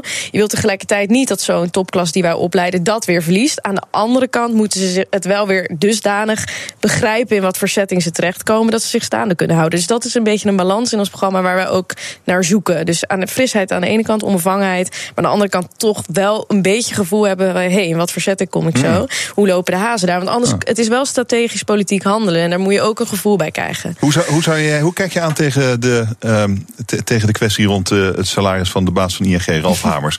En wat zou er voor discussie aan vooraf gegaan zijn in de Raad van Commissarissen? We hebben Jeroen van der Veer, ik noemde hem al even, eh, het zien uitleggen. Ja. Ehm, hoe kijk jij daar dan tegen? Nou, dit vind ik een typisch voorbeeld. Ik, ik ga niet volledig zeggen. Als er een jongere bij had gezeten, was deze beslissing niet tot stand gekomen. Want een beslissing is natuurlijk altijd een team effort. Maar ik denk wel dat het hele punt eh, van hebben we genoeg gevoel bij hoe dit maatschappelijk gaat vallen. Hebben we het besef dat in de samenleving de crisis echt nog net geleden is. En dat de steun aan de banken voor mensen in het hoofd nog steeds volledig samenhangt met, nou ja, dan kan je niet vervolgens mensen dit soort salarissen geven. Ook al is het vergeleken met peers, met andere bankiers, zeker internationaal. Nou, is het misschien een te verantwoorde keuze? Dan hoop ik, en dan geloof ik ook, dat de jonge kandidaten die ik eh, in mijn klas heb zitten, veel meer dat maatschappelijke aspect eh, zouden beetpakken. Van ja, maar hoe, wat doet dit dan met onze reputatie, publieke beeldvorming, eh, de hele discussie over eh, het laagste salaris en het hoogste salaris, ongelijkheid binnen organisaties is een thema wat mijn generatie heel erg belangrijk vindt. Ook gewoon Hmm. simpelweg de verhouding tussen het laagste salaris en het hoogste salaris. Ehm, daar, eh, ik heb het gevoel dat de oudere commissarissen dat wat minder, zitten wat meer in de realiteit van het eh, bedrijfsleven. Zo van ja, maar in het bedrijfsleven is dit gewoon de norm en is dit gangbaar en is dit normaal en we- we doen het weer goed als bedrijf, dus het is logisch dat Jij we zou dit het doen. niet gedaan hebben als commissaris. Je zou tegengestemd hebben. Ik zou tegengestemd hebben, ja, ik zou tegengestemd hebben. Omdat ik denk dat op dit moment, maar dat is dan echt vanuit het gevoel bij de samenleving, wat er in de samenleving leeft. Omdat ik denk dat ING, ook al is het een internationaal bedrijf, eh, wel dusdanig Nederlands geworteld is en hier de reputatie erg belangrijk is van je bedrijf. Ja, ik vind het altijd simpel als bedrijven zeggen: ja, maar internationaal heeft niemand er problemen mee. Dat is hetzelfde wat Shell altijd doet. Van ja, hier worden we altijd zo hard aangevallen, maar internationaal eh, heeft niemand die kritiek. En dan denk ik toch van ja, maar hm, dat vind ik een beetje iets te makkelijk. Ja, en Ralf Hamers kan natuurlijk ook gewoon naar het buitenland vertrekken als hij daar veel meer wil verdienen. Wat best mogelijk is waarschijnlijk. Maar hij doet het Ja. niet. Ja. Dus misschien is er wel geen markt. Ik, ik, Zou dat ook nog kunnen? Ja, dat zou ook nog kunnen. Maar ik vind dat ook altijd een dreigement van ja, dan gaan ze Ah, ah. weg, dan krijgen we niet de topbankiers. Nou, dan, ik, hè? Maar dat is ook weer een hele goeie. Want we hebben ook heel veel discussies met jonge mensen over beloningsbeleid. Eh, in welke mate speelt intrinsieke motivatie om te willen werken voor zo'n bank? En, en hoe hangt dat dan samen met wat voor beloningen? Is dat, moet je alleen maar kijken naar de marktontwikkelingen en wat zijn andere salarissen bij andere banken? Of moet je ook kijken van nee, wij, iedereen beweert nu ik ben een purpose organisatie, we gaan voor een maatschappelijke missie. Nou, dan hoort daar ook een stukje intrinsieke motivatie bij om te willen werken voor zo'n purpose organisatie. Want anders is dat een, een, een marketingverhaal. Ja, dus ik, maar ik, waar- dat, er mag wel meer discussie. Ja, Maar- mag maar wel waar- meer. Als je dat meent, dan wil je, ben je ook misschien wat salaris voor in te leveren. Ja, eh, Oké, maar wat, wat is dan het salaris dat recht doet eh, aan eh, de zwaarte van de functie, het belang van de functie, het bedrijf, maar ook die, waarbij ook die intrinsieke motivatie meerekent? De Ralf Hamers, om daar maar even bij te blijven, verdient wel iets van anderhalf Ja. miljoen. Ik bedoel, hoe, als je er nog anderhalf miljoen bij krijgt, ja, daar ga je niet beter van worden, je gaat er niet harder van werken, je intrinsieke motivatie gaat niet. Denk, nee, maar dat denk laat ik onderzoek, onderzoek laat ook zien inderdaad dat op een gegeven Ja. moment die prikkel weg is. Dus Ja. dat dat per se eh, niet zoveel. De, hè, dus dat is meer, denk ik, wat ze internationaal vergelijken. Van, Maar eh, misschien is vijf ton ook wel genoeg. Wat, ik, ik, ik vind het moeilijk om die, wat jij dan intrinsieke motivatie noemt, dat is dan, ja, wat voor beloning hang je daar dan aan? Als, want Ja. daar, daar, daar moet je dan natuurlijk Klopt, nee, maar ik denk dat niet dat er hier goed of fout zit. Maar daardoor, als we weer teruggaan naar die waarom de jonge commissaris. Eigenlijk dit gesprek. vraagt zich dat af. Ja, deze Ja. vraag. Alleen maar dit, hè, van, nou, maar hoe hangt dat samen dan met de nieuwe missie, visie en onze purpose en intrinsieke motivatie die we bij medewerkers zo graag willen, intern in de organisatie. Iedereen moet het gaan dragen, die nieuwe purpose-economie. hoe hangt dat dan samen met ons Ja. beloningsbeleid? Nou, en dat alleen al daar een discussie over hebben, dat verandert het gesprek. En misschien leidt dat tot een andere beslissing, misschien ook niet. Hè? Dus het kan ook net zo goed zijn dat alsnog eh, de uiteindelijke beslissing is we geven hem alsnog die hogere beloning. Jonge commissaris kan dat niet per se tegenhouden. Moet ook op allerlei andere punten misschien eh, choose your battles. Op welk punt ga je misschien daar heel erg een eh, blokkade in zijn. Maar ik, ik vind het heel belangrijk dat die invalshoek bijvoorbeeld daar in zo'n raad van commissarissen besproken wordt. Waarom zat er geen commissaris van jouw leeftijd in de Raad van Commissarissen van ING? Waar zitten jullie eigenlijk? We zitten op dit moment meer bij publieke organisaties. Dan moet je echt denken aan culturele instellingen, zorginstellingen, heel veel, onderwijsinstellingen. Uh, we zijn wel bezig met de eerste raden van commissarissen. Bijvoorbeeld iemand pas bij Vitas geplaatst. Uh, en dat gaat over uh, meloplekken. Dus het, ik moet het even goed toelichten. Het zijn nog niet echt bezoldigde functies. nog geen officiële deelname voor vier jaar bijvoorbeeld. Maar dit mhm. is een jaar lang.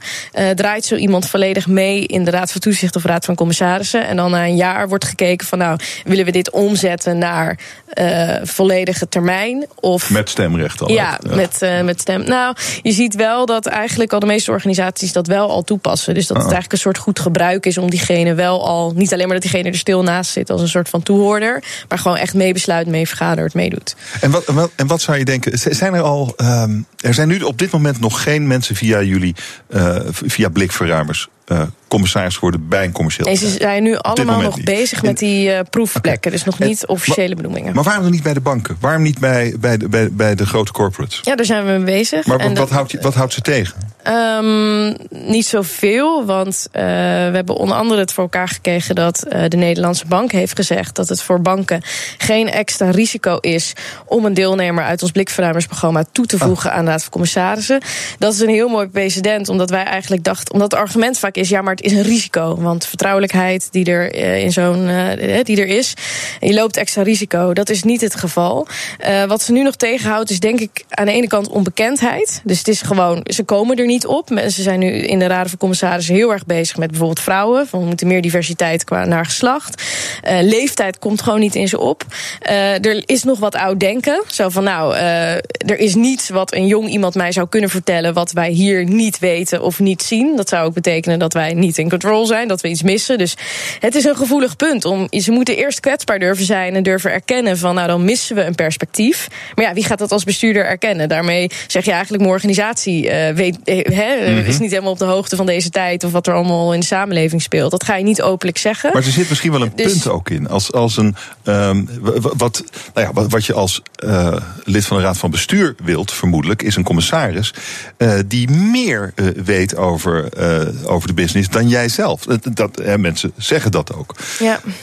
ja, en als je dan 7 of 28 bent, dan is gewoon de tijd die je werkt te ja. kort om die ervaring te kunnen opdoen. Ja. Dus daar daar zit natuurlijk wel een beetje, dat wrijft wel een beetje. Denk ja, natuurlijk. Maar ervaring is dan dus ook niet de competentie waarop je een jonge commissaris zou aannemen. Um, en daarnaast ervaring is als het goed is al gedekt op groepsniveau mm -hmm. in raad van commissaris. Dus als je iemand toevoegt met minder ervaring, wordt de hoeveelheid ervaring niet minder. minder. nee, dus, dus dat, het is een beetje een woordspelletje wat nee, ik dan niet respect. Maar dat is dus niet zo. Wat je, ja. je kan alleen maar competenties toevoegen. Ja. Dat je zegt van we zoeken een jong iemand met uh, ervaring en affiniteit met nieuwe technologie eentje, of digitaal. Eentje per RVC. Eentje per RVC. Wij dat, zeggen, zou, dat zou al mooi Ja, we zeggen niet per se van hè, zorg ervoor dat de helft mm -hmm. van je RVC nu opeens mensen zijn onder de 30.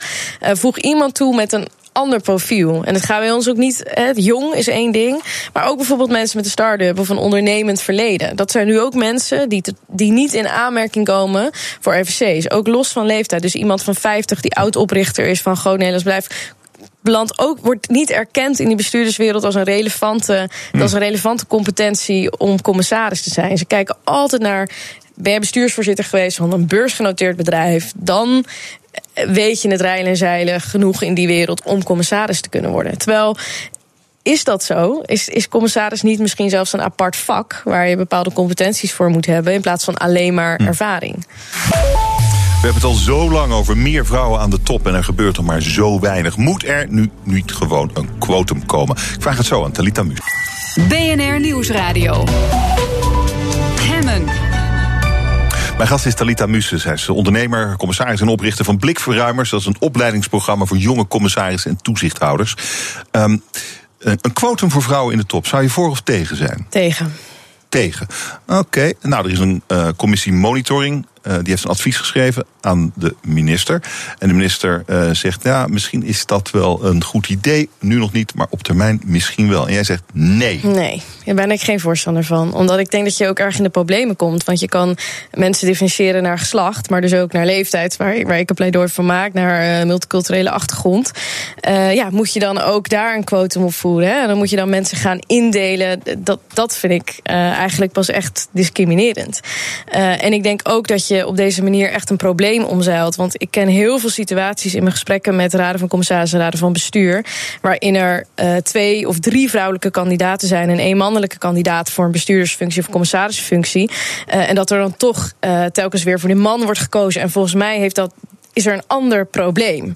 Waardoor die man dan steeds komt bovendrijven, terwijl de vrouwen er wel zijn. En volgens mij is dat echte probleem is dan veronderstellingen, aannames, uh, assumpties die er zijn over vrouwelijk leiderschap.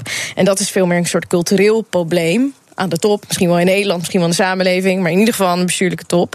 Wat je niet volgens mij omzeilt door het uh, via een quotum af te dwingen. Wat is jouw analyse dan? Wat, wat denken uh, mannen op de posities om, uh, raden, om raden van commissarissen te, te, te, te bevolken? Wat denken die mannen dan over vrouwelijk leiderschap? Nou, ik denk, ja, ik denk dat we in de eerste plaats ook wel een probleem hebben dat als vrouwen degene zijn die iemand mogen benoemen, dat ze dan ook minder snel een vrouw benoemen. Dus in ieder geval dat we als vrouwen zichzelf al heel erg benadelen. Um, en wat mannen van vrouwelijk leiderschap vinden. Ik denk dat er sneller uh, misschien bepaalde aannames zijn van nou, uh, is ze wel klaar voor de, voor de job? Uh, is diegene wel. gaan ze sneller kijken naar privésituatie? Dus ik weet uit veel gesprekken dat van vrouwen die ik ken die door wilden stomen naar de top, al snel de thuissituatie erbij wordt gepakt van, oh, maar hoe manage je dat dan eigenlijk wel thuis met je gezin en hoe heb je de, terwijl die vraag überhaupt niet gesteld wordt aan een man van, oh, heb je daar eigenlijk wel tijd voor? Kan je dat eigenlijk nu wel aan in je leven? Uh, dus uh, misschien uit, uit, bezorgdheid om, om een vrouw te beschermen, dat, dat snap ik. Uh, maar dat, ik denk dat er toch dat soort paternalistische trekjes of gesprekken ah. soms worden gevoerd. Maar dan zou je dus kunnen zeggen, net als Nelly Kroes bijvoorbeeld ja. zegt van, nou ja, het is misschien niet ideaal een quotum, maar doe het maar gewoon, anders komt het niet. Ja, maar dat, dat, vind ik, dat vind ik dan zo'n slechte reden. Dus omdat iets niet werkt, uh, nou ga je een, een, slecht middel waar je eigenlijk niet in gelooft. Van het doel heiligt de middelen. Dan ga je zo op output sturen van we willen 50-50. En dan maar een middel toepassen wat in zichzelf eigenlijk discrimineerd is. Want je gaat op basis van geslacht mensen op plekken zetten in plaats van kwaliteit. In plaats van wie komt er bovendrijven als beste kandidaat.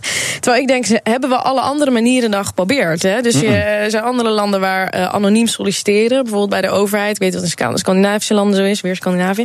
Maar uh, dat je gewoon echt uh, het hele selectieproces tot en, met, tot en met gesprek aan toe niet weet of een bepaald profiel van een man of een vrouw is. Is dat al op grote schaal, is daar al mee geëxperimenteerd? Nee. Dus dan denk ik van ja, waarom naar zo'n paardenmiddel als het, als het quotum grijpen? Wat denk ik alleen maar ook voor vrouwen misschien een negatief effect kan hebben. Dat je via een quotum daar komt. Ja, ik, ik hoop dat als we het eenmaal gaan doen. Natuurlijk hoop ik op goede resultaten. En dat het iets teweeg brengt. En het gesprek verandert binnen die commissarissen. En dat zij weer daardoor meer. Dat er meer vrouwelijke rolmodellen komen. Al die dingen. Het heeft positieve maar, maar er zijn, effecten. Maar het middel zelf is slecht. Ja, maar in de wetenschap hebben ze het toch gedaan. En vorig jaar zijn er 100 vrouwelijke hoogleraren benoemd. Gewoon omdat ze omdat ze dat wilden bij de universiteiten. Omdat ze vonden, en 17% van de hoogleraren is geloof ik vrouw op dit moment, dus er wel, is wel wat in te halen. Ze hebben het gewoon gedaan. Ja. Ja, dat klopt. Ja. En ik weet, uh, de Canadese regering toen destijds, Justin Trudeau, ja. die gewoon zei, hup, 50-50. Hmm. En natuurlijk, er zijn voorbeelden van. Ik denk ja. alleen dat, niet, dat we er niet in moeten doorslaan. En ik vraag me gewoon af, hebben we andere middelen geprobeerd om dit voor elkaar te krijgen? Of zijn we er eigenlijk stiekem niet echt mee aan het werk? Uh, zijn we het niet echt aan het doen? En daardoor wordt er nu boven het hoofd van het bedrijf gehangen. Ja, dan gaan we maar een quotum invoeren. En ik denk van ja, nou, ik, laat ik zo zeggen, ik vind het gewoon heel erg treurig als we dit doen, dat dit dan de manier is waarop. Interessante discussie rond uh, Schiphol. Uh, Jos Nijhuis, vertrekkende baas van Schiphol, ja. die zei, uh, volgens mij was het vrijdag of zo, dat, dat zijn opvolger zal zeker een man worden. Ja, dat vind ik ook maar, een bizarre uitspraak. Maar oké, okay, maar, maar, okay, maar, maar ze hebben een raad van bestuur van vier en twee zijn vrouwen. Ja.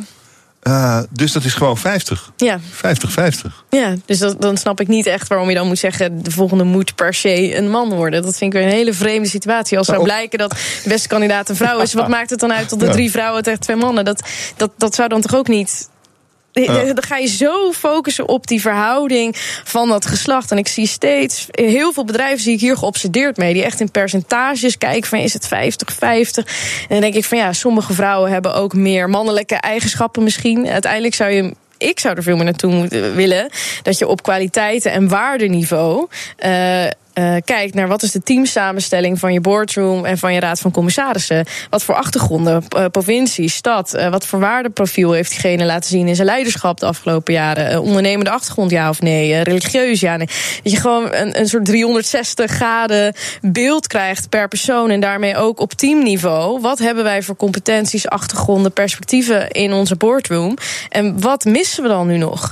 En daar, het gaat over uiteindelijk op het groepsniveau. En als je op dat individuele inzoomt van is dat een man of een vrouw? Ja, dan denk ik, volgens mij slaan we dan echt een beetje door.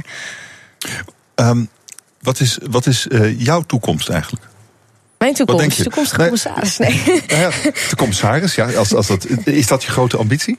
Nee, dat is niet mijn grote ambitie. Jouw, jouw ambitie nee. is heel veel jonge Mijn commissarissen. Heel veel, ja, heel veel jonge commissarissen. Uh, en het gesprek hierover veranderen. En ik, ik vind het vooral heel erg interessant dat in alle gesprekken die we nu voeren... en door blikverruimers op te richten... dat hopelijk mensen toch uh, aan de top nadenken van... mis ik in mijn besluitvorming uh, een bepaald perspectief... En zo ja, uh, wat, wie, wie heb ik dan nog nodig? Hoe kan ik mij veel meer laten voeden? En dat hoeft niet altijd per se door een jongere in je RFC. Maar heb je nog je voelsprieten in de samenleving op een zo divers mogelijke manier uitgezet dat jij als bestuurder de informatie krijgt die je nodig hebt om goed te weten hoe jouw besluiten ook bijvoorbeeld in de samenleving uh, gehoord en, en, en mm. gezien gaan worden. En daar dan denk ik van die mensen zitten toch nog zo in een bubbel. Uh, ik, zou nog op veel, ik zou nog veel meer manieren naast blikverruimers kunnen bedenken om uh, bestuurders te willen helpen met een beetje uit die bubbel te stappen. Wat, wat is het um, moeilijkste voor een jonge commissaris? Ik denk om uh, vooral zelf uh, het lef te hebben om niet stilletjes bijvoorbeeld het eerste jaar niet mee te doen en alleen maar overweldigd te worden door uh, de bekende namen die er misschien mm. om je heen zitten, de carrières die die mensen hebben gehad. En toch te geloven dat jouw eigen ervaring en perspectief en, en, en, en je eigen talent, want dan zou je daar ook niet zitten, um, echt iets kan toevoegen op dat niveau. En ik zie nog wel dat sommige jonge mensen daar te bescheiden voor zijn en uh, aan twijfelen van wat kan ik nou in zo'n gezelschap met de oud-CEO van Philips en de oud-bestuursvoorzitter van dit en dat. Ja, wat, wat kan ik dan nog toevoegen? En dat geloof, uh, dat moet je natuurlijk wel krijgen. En dat ook goed kunnen verwoorden. En ook snappen van, nou, wat voor wanneer is het relevant? Niet dat heel activistisch bij ieder punt van, ja, maar jongeren denken er anders over. Maar Hè, op wat voor manier ja, kan ik nou voor toegevoegde waarde zijn in deze discussie? En er moet natuurlijk ook een soort uh, bedachtzaamheid in een commissaris zitten, vermoed ja. ik. Uh, en ook het vermogen om op je handen te blijven zitten. Niet ja. overal achteraan willen gaan rennen. Niet alles geregeld willen hebben. Nee, klopt. Dat is niet iets wat iemand van eind 20, begin 30 van nature al heeft. Nee, het is eigenlijk een soort van helikopterview kunnen hebben. Het allemaal kunnen zien gebeuren. Maar niet ingrijpen. Niet als een ondernemer of een bestuurder inderdaad opspringen. En je ziet dat uh, nou, sommige jonge mensen in het programma zich daar dan ook op verkijken. En ik wil niet zeggen afvallen, maar er bijvoorbeeld wel na afloop uh, voor kiezen. Niet iedereen heeft ervoor gekozen om daadwerkelijk bij een raad van toezicht of raad van commissarissen dat jaar te gaan doen. Omdat ze dan bij zichzelf hebben ontdekt: nee, ik ben toch meer de ondernemer, de, de bestuurder. Ik wil ja. te veel in de actie. Ik wil plannen maken, ik wil dingen uitvoeren. Uh, ik vind het interessant om te zien, maar ik word er inderdaad onrustig van. En, en dat is een rol. En, maar daarom is juist zo'n opleiding goed. Want weet je dat de huidige commissarissen die nu bij die bedrijven zitten, die hebben dus nooit zo'n verkenningstraject gehad. Die zijn daar gewoon gaan zitten. En ik hoor van heel veel commissarissen die zeggen: Nou, ik denk dat een heel groot deel van de huidige commissarissen aan de top van bestuurlijk Nederland eigenlijk niet goed zijn in die rol. Die rol misschien niet eens leuk vinden. Maar het is een soort van cultuur geworden dat je als oud bestuursvoorzitter ga je nog ja, een soort pensioentraject in, waar normale mensen met pensioen gaan. Gaan deze mensen nog twintig jaar de top van onze organisaties leiden. En ik, ja, ik vind dat best wel dat ik denk, nou, er is niet zoveel discussie over die rol. Terwijl het een hele belangrijke is voor die organisaties. En, en heel belangrijk ook voor de beslissingen die zij nemen, die volgens weer invloed hebben op onze maatschappij. Dus ik denk dat er mag wel wat meer discussie, scherpe discussie over. Van is zo iemand eigenlijk wel ook geschikt als commissaris? Ook al ben je 20, 30 jaar een hele goede bestuurder geweest. Misschien past die rol wel helemaal niet bij. En dat moet ook niet erg zijn om te zeggen: nee, uh, nee eigenlijk ben ik daar minder goed in. Dankjewel voor, dankjewel voor dit gesprek. Ja, Talita Musse, zij is uh, oprichter van Blikverruimers. Dat is een opleidingsprogramma voor jonge commissarissen. Dank je zeer. BNR Nieuwsradio. Hemmen. Roelof Hemmen. De Europese nepnieuwslijst moet geschrapt worden, zegt de Europese adviesgroep over nepnieuws. Bespreek het in de kantine. Met vandaag Egbert Fransen, directeur van Pakhuis de Zwijger in Amsterdam. En Devika Partiman, zij is oprichter van de stichting Stem op een Vrouw. Goedemiddag, welkom. Dank je. Uh, die Europese nepnieuwslijst uh, die ligt onder vuur. Niet alleen vanuit Nederland, maar ook door de belangrijkste Europese adviesgroep over nepnieuws. En die staat onder leiding van een Nederlandse Madeleine de Kok-Buning. Uh, het is een, een, bijzondere constructie. DVK, die, die Europese lijst die tegen het licht wordt gehouden door een Europese adviesgroep die dan zegt van doe maar niet meer. Klopt, ja. En als ik me niet vergis, hebben ze eerder aanbevolen van doe eigenlijk maar wel. um, maar wat er vorige maand is gebeurd, is dat NOS heeft onderzocht hoe die nepnieuwslijst eigenlijk tot stand komt. Die er nu op een Europese website staat. Wat door een team vrijwilligers blijkt te gebeuren, waarvan maar één jongen eigenlijk hoofdverantwoordelijk is. En niemand eigenlijk wel checkt of dat op een persoonlijke basis is, dat die dingen worden goedgekeurd of dat er wel degelijk nepnieuws in staat. En ze hebben, ook, uh, ze hebben eigenlijk uh, zich ook uh, weer, weer afgekeerd van hun eigen beoordelingen. Klopt. Dat maakte het uh, extra, extra pijnlijk. pijnlijk. Uh, Egbert, moeten we gewoon stoppen met die flauwekul? Die lijstjes van nepnieuws? Nou, ik, ik, denk dat dit een resultaat is van die enorme destructieve uh, kracht die, uh, die voortkomt uit, uit de veranderingen die in de media plaatsvinden. Uh, want uh, doordat die kranten niet meer goed kunnen investeren in onderzoeksjournalistiek, uh, is dit natuurlijk gaande. en dat je dat niet oplost met een, met een clubje vrijwilligers, dat lijkt me evident. maar ik moet je eerlijk zeggen, ik, ik heb de oplossing niet. Want het is natuurlijk echt een, echt een probleem aan het worden. er komt zoveel langs in hoeveelheden en niet te tracken waar het vandaan komt.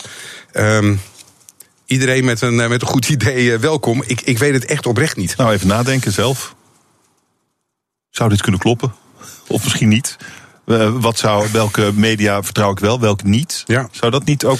Ja, dat speelt, dat speelt een rol, maar dan nog, er komt zo'n ongelooflijke hoeveelheid op je af. Elke dag, elk uur, elke minuut. Het is bijna uh, ondoenlijk om, om dat allemaal tegen het licht te houden als individu. Ik vind, ik vind het echt lastig. Maar wat, wat um, zou, zou een overheid. Een principiële vraag: zou een overheid zich hiermee bezig moeten houden? Net zoals, nou ja, je zou de Europese Commissie natuurlijk ook als een overheid kunnen. Is dat een taak van een overheid? Nou ja, als je, als je de overheid verantwoordelijk ziet voor, uh, voor, voor mensenrechten. Uh, en, en als je uh, onder een mensenrecht verstaat dat we ook recht hebben op zorgvuldig vergaard nieuws. wat ik denk dat dat daarbij hoort. en en van, ook vanuit de vrijheid op. op uh, op nieuwsgaring en, en, en op uh, je uitspreken. Dus ik, ik denk dat de overheid daar een rol zou Maar vraag mij niet. Ik, ik vind het super complex. Ik weet het gewoon echt oprecht niet. Echt de, oprecht niet. Uh, de, de overheid heeft natuurlijk ook. De, de, NOS is, is ook van de, van de staat en van ja. ons allemaal eigenlijk. Uh, dus dan zou je best kunnen, kunnen, uh, kunnen zien dat er een soort van uh, autoriteit nepnieuws komt of zo. Wat denk jij, Devika? Ja, ik zou daar helemaal niet tegen zijn. Dat vond ik ook heel opvallend aan uh, wat bijvoorbeeld inderdaad de voorzitter van de commissie, uh, de Kokbunning zelf zei. Die heeft gezegd, uh, de overheid moet zich niet mengen in wat waar en niet waar is. Ja. Daar ben ik het echt pertinent mee oneens. Ik vind het juist heel belangrijk dat je als overheid, zeker als het schadelijk is voor nou ja, bijvoorbeeld je democratie of je verkiezingen, dat er wel degelijk ook kan worden ingegrepen. En dat ja. hoeft van mij niet per se met een nepnieuws-site. Maar, maar we, we, hebben de autoriteit ja. Consument en Markt. Je zou toch ook de, de autoriteit Nieuwsconsumentenmarkt kunnen hebben? Of, of zoiets? Ja, Zo, zie je zoiets geval, voor je? In ieder geval een groep die erover nadenkt wat voor oplossingen nog meer zouden helpen. En ook inderdaad wel betrouwbaarder kunnen aangeven. Ja. Dit is wat er wel en niet klopt. Maar als je dan weet wat nepnieuws is, dan is de volgende stap: ja, hoe voorkom je dan dat mensen dat toch voor waar aannemen? Uh, dat, is, dat, dat is nog ingewikkelder dan het signaleren, vermoed ik. Ja, en wat ik meestal dan daarover lees, is dat kinderen weerbaar moeten worden op school en moeten leren over wat wel en niet nepnieuws is. Maar ja, volwassenen trappen er net zo hard in. Dus ja. heel goed als we er op school inderdaad aandacht aan gaan besteden. Maar hoe zorgen we zelf dat we nog weten wat echt een nep is? Het, het schijnt dat, dat ze in, in, in Polen boetes uitdelen. Maar ja, in, Klopt, in, ja. Ik weet niet of ik dat een goede ontwikkeling vind. Ja, hangt er een beetje vanaf met wat voor intentie het nepnieuws is verspreid, denk ik. En dat is wel een hele vage grens natuurlijk. En het is de grote vraag of een overheid uh, altijd goede bedoelingen heeft. Klopt. Te alle tijden natuurlijk. Ja. Oké, okay. uh, TBS uh, wil ik het met jullie over hebben. In Utrecht uh, staat een, staat een TBS-kliniek, de Van de Hoevenkliniek. En wat blijkt uit onderzoek van het AD, daar is het schering en inslag als het gaat om het binnensmokkelen van drugs en kinderporno. Dit is een TBS-instelling. En het is niet voor het eerst dat ik dit hoor. Hoe kan dit? Ja, niet, niet sluitende systemen, maar het is natuurlijk niet de enige plek waar, uh, waar dit gebeurt. Het gebeurt op allerlei uh, in instituten. Uh, het gebeurt binnen grote bedrijven die bedrijfsgevoelige informatie hebben in, in, in hun huis. Het gebeurt in de gevangenissen. Het gebeurt overal. Eh, Ja, hoe, hoe sluitend Nou ja. krijgen we onze samenleving wat dit betreft? Kinderporno in een TBS-kliniek. Ja. Ik bedoel, wie zit gaat er heel in? ver. Het gaat ontzettend ver. En hoe moeilijk kan het zijn om dat te voorkomen? Ik, ik kan het eigenlijk niet goed begrijpen. Nee. Jij wel, je snapt het wel. Nee, nou ja, het, eh, eh, dat, eh, dat, er, dat, er allemaal mensen, dat er Ja. allemaal mensen zijn die er werken. En die mensen die zijn blijkbaar ook gevoelig voor, de, voor de systemen die erachter zitten. Die het namelijk gewoon naar binnen willen brengen. En dus er- ergens, ergens zijn mij blijkbaar mensen omkoopbaar. Of daar is, ja, dat, dat blijkt, die kwetsbaarheid blijkt toch elke keer weer. Dus ik zou zeggen, er is niets eh, menselijks dan, de, dan dit. Maar dat het heftig en, en onaanvaardbaar is, is denk ik evident. Ja, nou, en, en wat ze ook steeds doen, Levika, is eh, zeggen: nou, het, het- echt, dit mag nooit meer gebeuren. We hebben een zero tolerance beleid. Mhm. En het is een kwestie van tijd en dan gebeurt het gewoon weer opnieuw. Ja. Ja, en vervolgens wordt volgens mij vaak met de vinger inderdaad naar personeel gewezen. Zo van ja, maar we hebben veel wisselingen en mensen stoppen en dan komen er weer nieuwe. Ja. En eh, weet je, inderdaad omkoping. Terwijl er zouden toch interne systemen moeten zijn die je personeel vertellen wat als iemand je probeert om te kopen. Bijvoorbeeld. Ik weet niet of dat er is, maar daar kan ik me wel bij voorstellen dat het een goed idee zou zijn. Ja, of ze beter betalen misschien. Ja, of dat. dat- In ieder geval, kijk ook naar waarom personeel er dan in meegaat. Als dat daadwerkelijk het probleem is. Hmm. Nou ja, eh, we Het gaan het, we het gaan is het hier niet duidelijk dat het, oplossen op, hè, vandaag. dat het opzoeken van die kwetsbaarheden natuurlijk wel een evident eh, verhaal is. Maar Ja. wat, wat je zegt, het is keer op keer. Er wordt even aandacht op, eh, op gevestigd en het wordt, wordt uitgelicht. En het komt, eh, er wordt, wordt aan gewerkt. En dan ben je een paar jaar later en dan hoor je precies hetzelfde verhaal weer. En niet alleen maar op deze plek nogmaals. Dus het zou, volgens mij is het niet goed om alleen maar hier naar te kijken, naar deze klinieken. Ja, het is hier heel, heel er- ernstig. Maar het zit in heel veel andere systemen ook. Eh, en het, ja, het is eh, heel kwetsbaar. En pijnlijk vooral ook. Een eh, opmerkelijke verhaal. Pieter van Vollenhoven en nog een aantal andere experts pleiten vandaag in de Tweede Kamer voor een centraal meldpunt voor misbruik in de sport.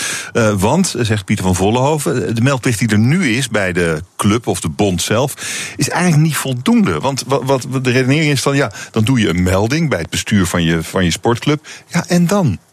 Nou ja, niet stel dat de dader inderdaad in het bestuur van de sportclub zit. Om maar even een voorbeeld te noemen.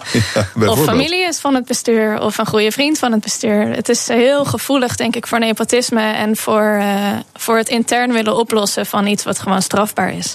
Maar het is misschien, eh, dat is wat Van Vollenhoven zegt, het is ook eh, een, een, natuurlijk een gebrek aan kennis. Als je, als je aangifte wil doen of hulp zoekt voor zoiets, dan wil je graag met eh, mensen te maken hebben die weten waar ze het over hebben. Ja, dat klopt. En ik denk dat dat voor alle, niet alleen in de sport geldt. Ik heb bijvoorbeeld zelf één keer aangifte gedaan van eh, eh, aanranding. Waarop ik wel twee weken later werd gebeld door slachtofferhulp. Door de politie nooit meer ben teruggebeld. Maar dat is een ander verhaal. Eh, Nou ja. Maar het, het is inderdaad, daar was ook niet een afdeling waar je gelijk terecht kon. En ik merkte dan ook dat de agenten in kwestie echt een mix eh, eh, wat moet ik hiermee aan? En dat is natuurlijk totaal niet bevorderlijk voor het aangifteproces. Dus de politie heeft je niet eens teruggebeld. Nee. Je Dus ik lacht bedoel, erop, maar dat is, toch nou niet... ja, dat is schandalig inderdaad. Maar het is volgens mij wel typerend voor de ervaringen van heel veel mensen die met misbruik te maken krijgen. Dat er inderdaad niet goed op wordt gereageerd. En als de politie dat al niet kan, kan je dat helemaal niet verwachten van een sportclub. Nee. Egbert? Nou ja, ook, ook dit is zo'n geval dat het niet alleen maar binnen de sport is, hè, maar ook binnen kerkgenootschappen. Eh, het, is, het is inderdaad, het, gevo- de gevoeligheid van belangenverstrengeling is enorm. Enerzijds, en, en de, de, de, de kennis niet hebben van wat er precies speelt en hoe je met dat soort mensen moet omgaan. Dus een mate van professionaliteit en kundigheid op een bepaald gebied ontbreekt. Dus ik zou absoluut willen, willen eh, pleiten voor hier ook echt professionele eh, eh, instelling of, of eh, een gelegenheid om je, om je daar te melden. Maar dat geldt hetzelfde. Hè. Binnen, binnen de katholieke kerk hebben we precies hetzelfde gezien. Heel recent nog binnen de, de Joodse onderwijsinstelling. Het wordt binnen de, de muren gehouden. Eh, eh, men probeert het zelf op te lossen binnen de gemeenschap. De belangen zijn te groot om het naar buiten te brengen. Dus dat er een onafhankelijke instelling voor moet komen, helemaal mee eens. Eh, Bono was eh, in het nieuws. Hij heeft een organisatie, eh, One Campaign. Dat is om de wereld beter te maken, die, die, die club. En wat blijkt nou in het nieuws van vandaag? Jarenlang misstanden. Het personeel werd gepest. Er zijn beschuldigingen van seksuele intimidatie. Eh, ja, Bono met zijn missie om de wereld te verbeteren. Ja, Wat dacht je daarvan? pijnlijk. Ehm, nou ja, uiteindelijk heeft hij een hele grote, machtige organisatie met leidinggevende, waar die vrees ik, ja, weer hetzelfde verhaal. Dus de, het verhaal was wel dat er veel klachten waren intern, maar die inderdaad nu pas naar buiten komen en waar gewoon nooit adequaat op gehandeld is. En eh, dat is volgens mij iets wat voor veel organisaties langzaam nu naar buiten lekt. Hmm. Ehm, maar het is inderdaad extra pijnlijk dat hij zo'n soort van goede, warmhartige Samaritaan uh, zogenaamd is naar buiten toe. Maar ik dacht van, ja, heb je dan niet... zijn ook niet aan zijn adres, moet ik er natuurlijk even bij zeggen, nee, maar toch? Maar hij heeft zijn gezicht en zijn naam uh, eraan verbonden. En dit Ja. is zijn, zijn, zijn wens om iets te doen voor de wereld. En hij heeft gewoon niet opgelet, denk ik dan. Wat denk jij, Egbert? Ja, dit, dit, dit is een schaal wat, eh, wat denk ik zo'n eh, zo'n man met al zijn goede bedoelingen ook niet heeft kunnen overzien. Hè? Ja. Eh, dus het, het, het verhaal vertellen en, en in, de, in de frontline staan de. de de, de schijnwerpers op je krijgen, dat is één. En daar is hij heel goed geweest in, in, eh, in die afgelopen decennia.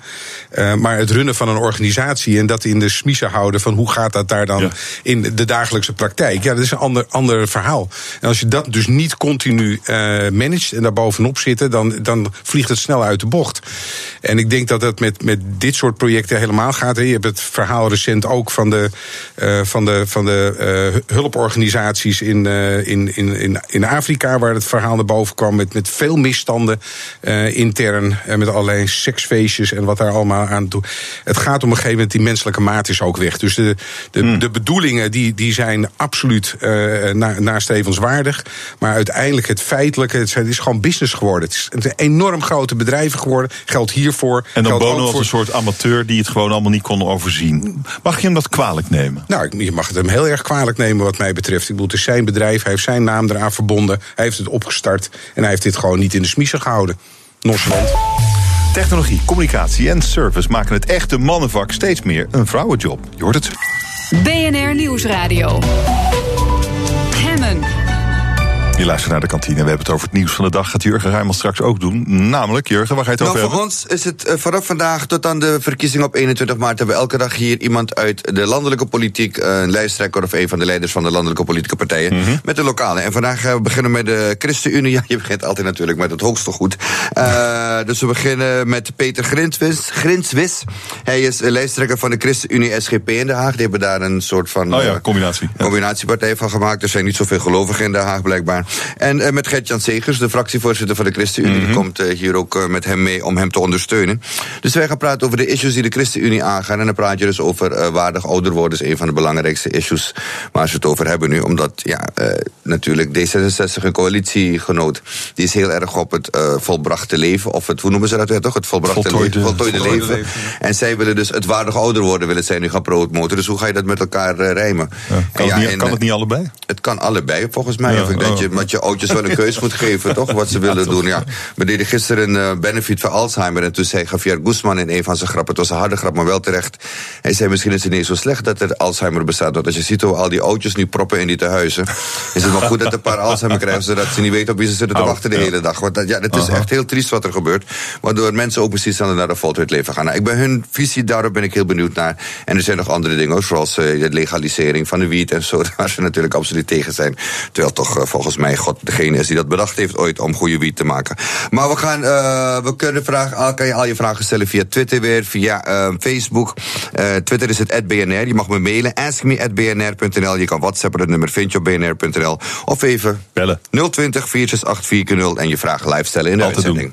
Jurgen, dankjewel. Jullie Veel ook. plezier uh, zo meteen. Uh, je luistert naar de kantine. DWK Partiman is hier. Zij is oprichter van de stichting Stem op een Vrouw. En Egbert Fransen, directeur van Pakhuis de Zwijger in Amsterdam. Uh, DWK vanavond uh, vindt het Stem op een Vrouw debat plaats. Klopt. In Ja, Amsterdam. In Amsterdam. Georganiseerd door jouw club. 25. Absoluut. Um, um, wie, wie spreken er? Alleen maar vrouwen? Alleen maar vrouwen, ja. Negen partijen. Ja, allemaal Amsterdams. Maar hoeveel vrouwelijke lijsttrekkers zijn er in Amsterdam? Uh, twee. twee. Zegt ze heel twijfelachtig. SGP en Forum voor de Democratie, als ik me niet vergis. Oh, ja. En Sylvana Simons Oh, ook? bij één. Sorry, ja, drie. Ja. Klopt. Dankjewel. Ja. Uh, en hoe doen die het eigenlijk? Nou ja, Sylvana was je niet helemaal opgevallen. En die andere twee, hoe vind je dat ze het doen? Stem op een vrouw? Um, nou ja, SGP is natuurlijk sowieso baanbrekend dat die uh, de eerste vrouwelijke lijsttrekker ooit hebben. Uh, dus dat vind ik echt alle respect voor haar. Uh, we zullen het vast inhoudelijk niet altijd eens zijn, maar dat is echt eh, qua emancipatie vind ik dat heel bijzonder dat je dat doet met een Hmm. partij die eigenlijk in grote getalen helemaal niet achter je staat. Dus ja, dat vind ik te gek. En haar zichtbaarheid is volgens mij nog niet heel groot. Maar dat is ook omdat het gewoon een partij is die hier nu nog niet in de raad zit. Ja, maar En, verder eh, uh, doen vrouwen het volgens mij steeds beter. In Amsterdam lijkt het er wel op dat we een gelijke raad krijgen straks. Gelijk in de zin van evenveel man als vrouw. Precies, ja. Oh, nou, oké.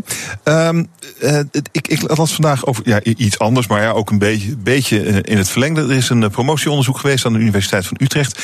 En het blijkt uit dat de autochtone Nederlanders niet zo enthousiast worden van de politieke participatie van minderheden, in het bijzonder islamitische minderheden. Uh, wat betekent dit? Wat denken jullie? Egbert. Je hem nog één keer herhalen? Wie, wie, ja, Oké. even scherp krijgen. Er, er was een eh, promotieonderzoek Ja? van eh, iemand aan de Universiteit van Utre- Utrecht. En die heeft geconstateerd dat autochtone Nederlanders niet zo enthousiast worden als eh, minderheden, met name islamitische minderheden, meedoen aan verkiezingen hier. Wat zegt jou dat? Het verbaast je toch niks dat in dit tijdsgewicht deze opmerkingen langskomen. Ik bedoel, er, is, er, is, er is veel weerstand uit, uit onzekerheid, uit angst, uit onwetendheid. Eh, dus ik denk dat als er ergens een opgave bij ons allemaal ligt, is om, om dit gevoel echt uit die samenleving eh, te halen. dat is op Eh, zich een logisch gevolg van grote. ja, Nou ja, in een de grote, grote, grote influx, in de grote influx in, in, in samenlevingen die in een korte tijd snel veranderen. En dat zie je hier in Amsterdam. Hè. In, in, in tien jaar tijd is het omgeslagen van een heel nadrukkelijke grote meerderheid van autochtonen naar eh, dat eh, jongeren onder de 21 op dit moment is gewoon geen meerderheid meer in de, in de stad. En dat is natuurlijk een interessante eh, transitie waar mensen die ouder zijn en hier gewoon hun hele leven, die, die moeten daar wel aan wennen. Die, die, die buurten die veranderen, de, de, de, de winkelnering verandert. Ja, maar dan is het juist veel- logisch dat, die, dat, dat juist die groepen eh, zich ook eh, politiek vertegenwoordigd weten. Zou je kunnen verdedigen, die stelling? Ja, Toch? nou, ik ben, ik ben daar zeer voor. En eh, jij bent vanavond met, eh, met, de, met de vrouwen in de weer. Wij zitten in Nieuw-West, in het Moenders College, een VMBO-school in Amsterdam Nieuw-West. Duizend leerlingen, 64 nationaliteiten. organiseren wij vanavond als Pakhuis de Zwijger een jongerendebat. Oké. Waar een aantal lijsttrekkers en anderen eh, vanavond met de jongeren in gesprek gaan. En ja, ik zeg het al, 64 nationaliteiten op zo'n VMBO-school daar. Dat is de nieuwe werkelijkheid van, eh, van onze stad. En van de andere grote steden overigens ook. Eh, dus daar moeten we met z'n allen zullen we daar aan, aan eh, moeten wennen aan die werkelijkheid. Maar dat het pijn doet, eh, zoals overigens Geert Mak heel recent bij ons in het pakhuis zei. We hebben twee van die eerdere periodes hier in Amsterdam gehad. Dat er eh, een, een hele hoop influx kwam van, van mensen van buiten. Eh, ja, dat is, dat is nu weer aan de hand. Devika. Ja. Je stond te knikken. Nee, je bent het er mee eens. Ik ben, het er, ik ben het er zeker mee eens. Maar ik wil- zou er wel aan willen toevoegen dat we ook echt moeten kijken. Niet alleen naar hoe we het oplossen, maar ook wat het, wat het tot gevolgen heeft voor de toegankelijkheid van de politiek. Voor mensen die daar wel graag zich mee willen bemoeien. Want dat Nederlanders massa- massaal blijkbaar negatieve gevoelens hebben bij moslim-emancipatie, en bijzonder politieke emancipatie, betekent dat het ook binnen partijen natuurlijk speelt. Dus dat ook sollicitatiecommissies van partijen hiermee te maken hebben, ledencommissies, noem het maar op. En dat is echt wel, daar moeten we echt naar kijken, willen we een eh, afspiegeling van de samenleving zijn. Er was goed nieuws vandaag. Er komen eh, meer loodgieters. En het zijn vrouwen. Ja. Dat is eh, nieuws van Uneto VNI, de, de brancheorganisatie. Dit, is, dit is leuk. Dat zijn de leukere Heb jij, nieuwtjes, heb jij wel eens gedacht, eh, ik word loodgieter? Nee, ik heb wel eens gedacht, ik word kapster. Ik ben nu Kapster. stewardess, dus dat is ook wel... eh, maar dat is juist weer heel typisch. Dat, maar ik, eh, ik, waarom zou een vrouw een loodgieter willen worden, denk jij?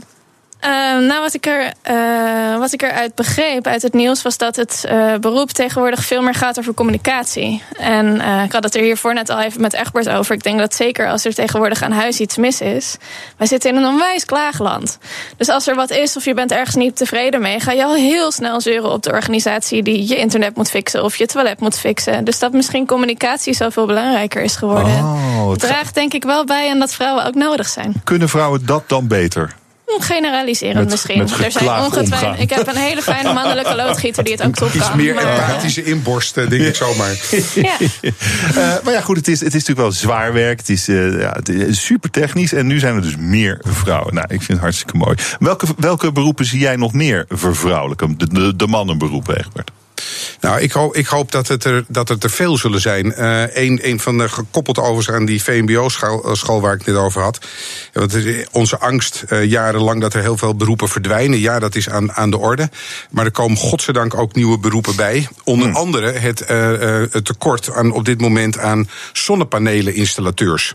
Eh, en, en wij gaan mede als eh, initiatiefnemer uh, Pakhuis Zwijgen in dat Moeders College een eh, werkplaats installeren. Omdat eh, eh, om dat zonnepanelen eh, eh, installeren in beweging te krijgen.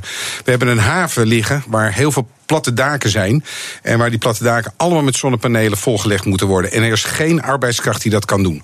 Dus volgens mij is dit ook zo'n beroep. eh, het, het, Maar waar ga, je, waar ga jij die mensen vandaan halen dan? maar die zitten in de stad. Eh, en met name in Nieuw-West eh, en in Zuidoosten overigens. Daar, daar zijn veel jongeren die geen baan hebben. En dit is niet het superzware eh werk. Eh, want die zonnepanelen die worden gewoon naar boven getakeld. En dan is het vooral aansluiten. Ehm, eh, heel zorgvuldig en secuur. En ik denk dat eh, vrouwen dat net zo goed kunnen als, eh, als mannen. Dus ik zie dat als een van de beroepen... waar eh, ik denk dat het volume ook eh, eh, heel snel 50-50 zal zijn. Ja, wij komen natuurlijk zo langzaam maar zeker gewoon ook af van mannenberoepen en vrouwenberoepen. Hoewel zorg, onderwijs is nog wel altijd er- erg gedomineerd door vrouwen natuurlijk. Ja, klopt. Andersom is er inderdaad eh, ook nog wel, zijn er ook nog wel issues. Het zijn de, de, de, de, de, de minder betaalde beroepen eigenlijk waar vrouwen over vertegenwoordigd zijn. Ja, absoluut. Ja, behalve gemeenteraadslid. dat, wat? Dat, krijg je, net- krijg, je, ook niet veel, maar het is in elk geval gelijk. Ja, precies. Ik eh, ga de kantine sluiten. Fijn dat jullie er waren. Egbert Fransen, directeur van Pakhuis de Zwijg in Amsterdam. En Devika Partiman, oprichter van de stichting Stem op een Vrouw. En vanavond dat debat in. Spijp 25. Dit was Hemme voor vandaag. Morgen ben ik er weer. Dan is Koen Teulings mijn gast. Sinds 1 januari is hij hoogleraar aan de Universiteit van Utrecht. Gaan met hem praten. Morgen, nu eerst Jurgen Rijman met Ask Me Anything. Dag.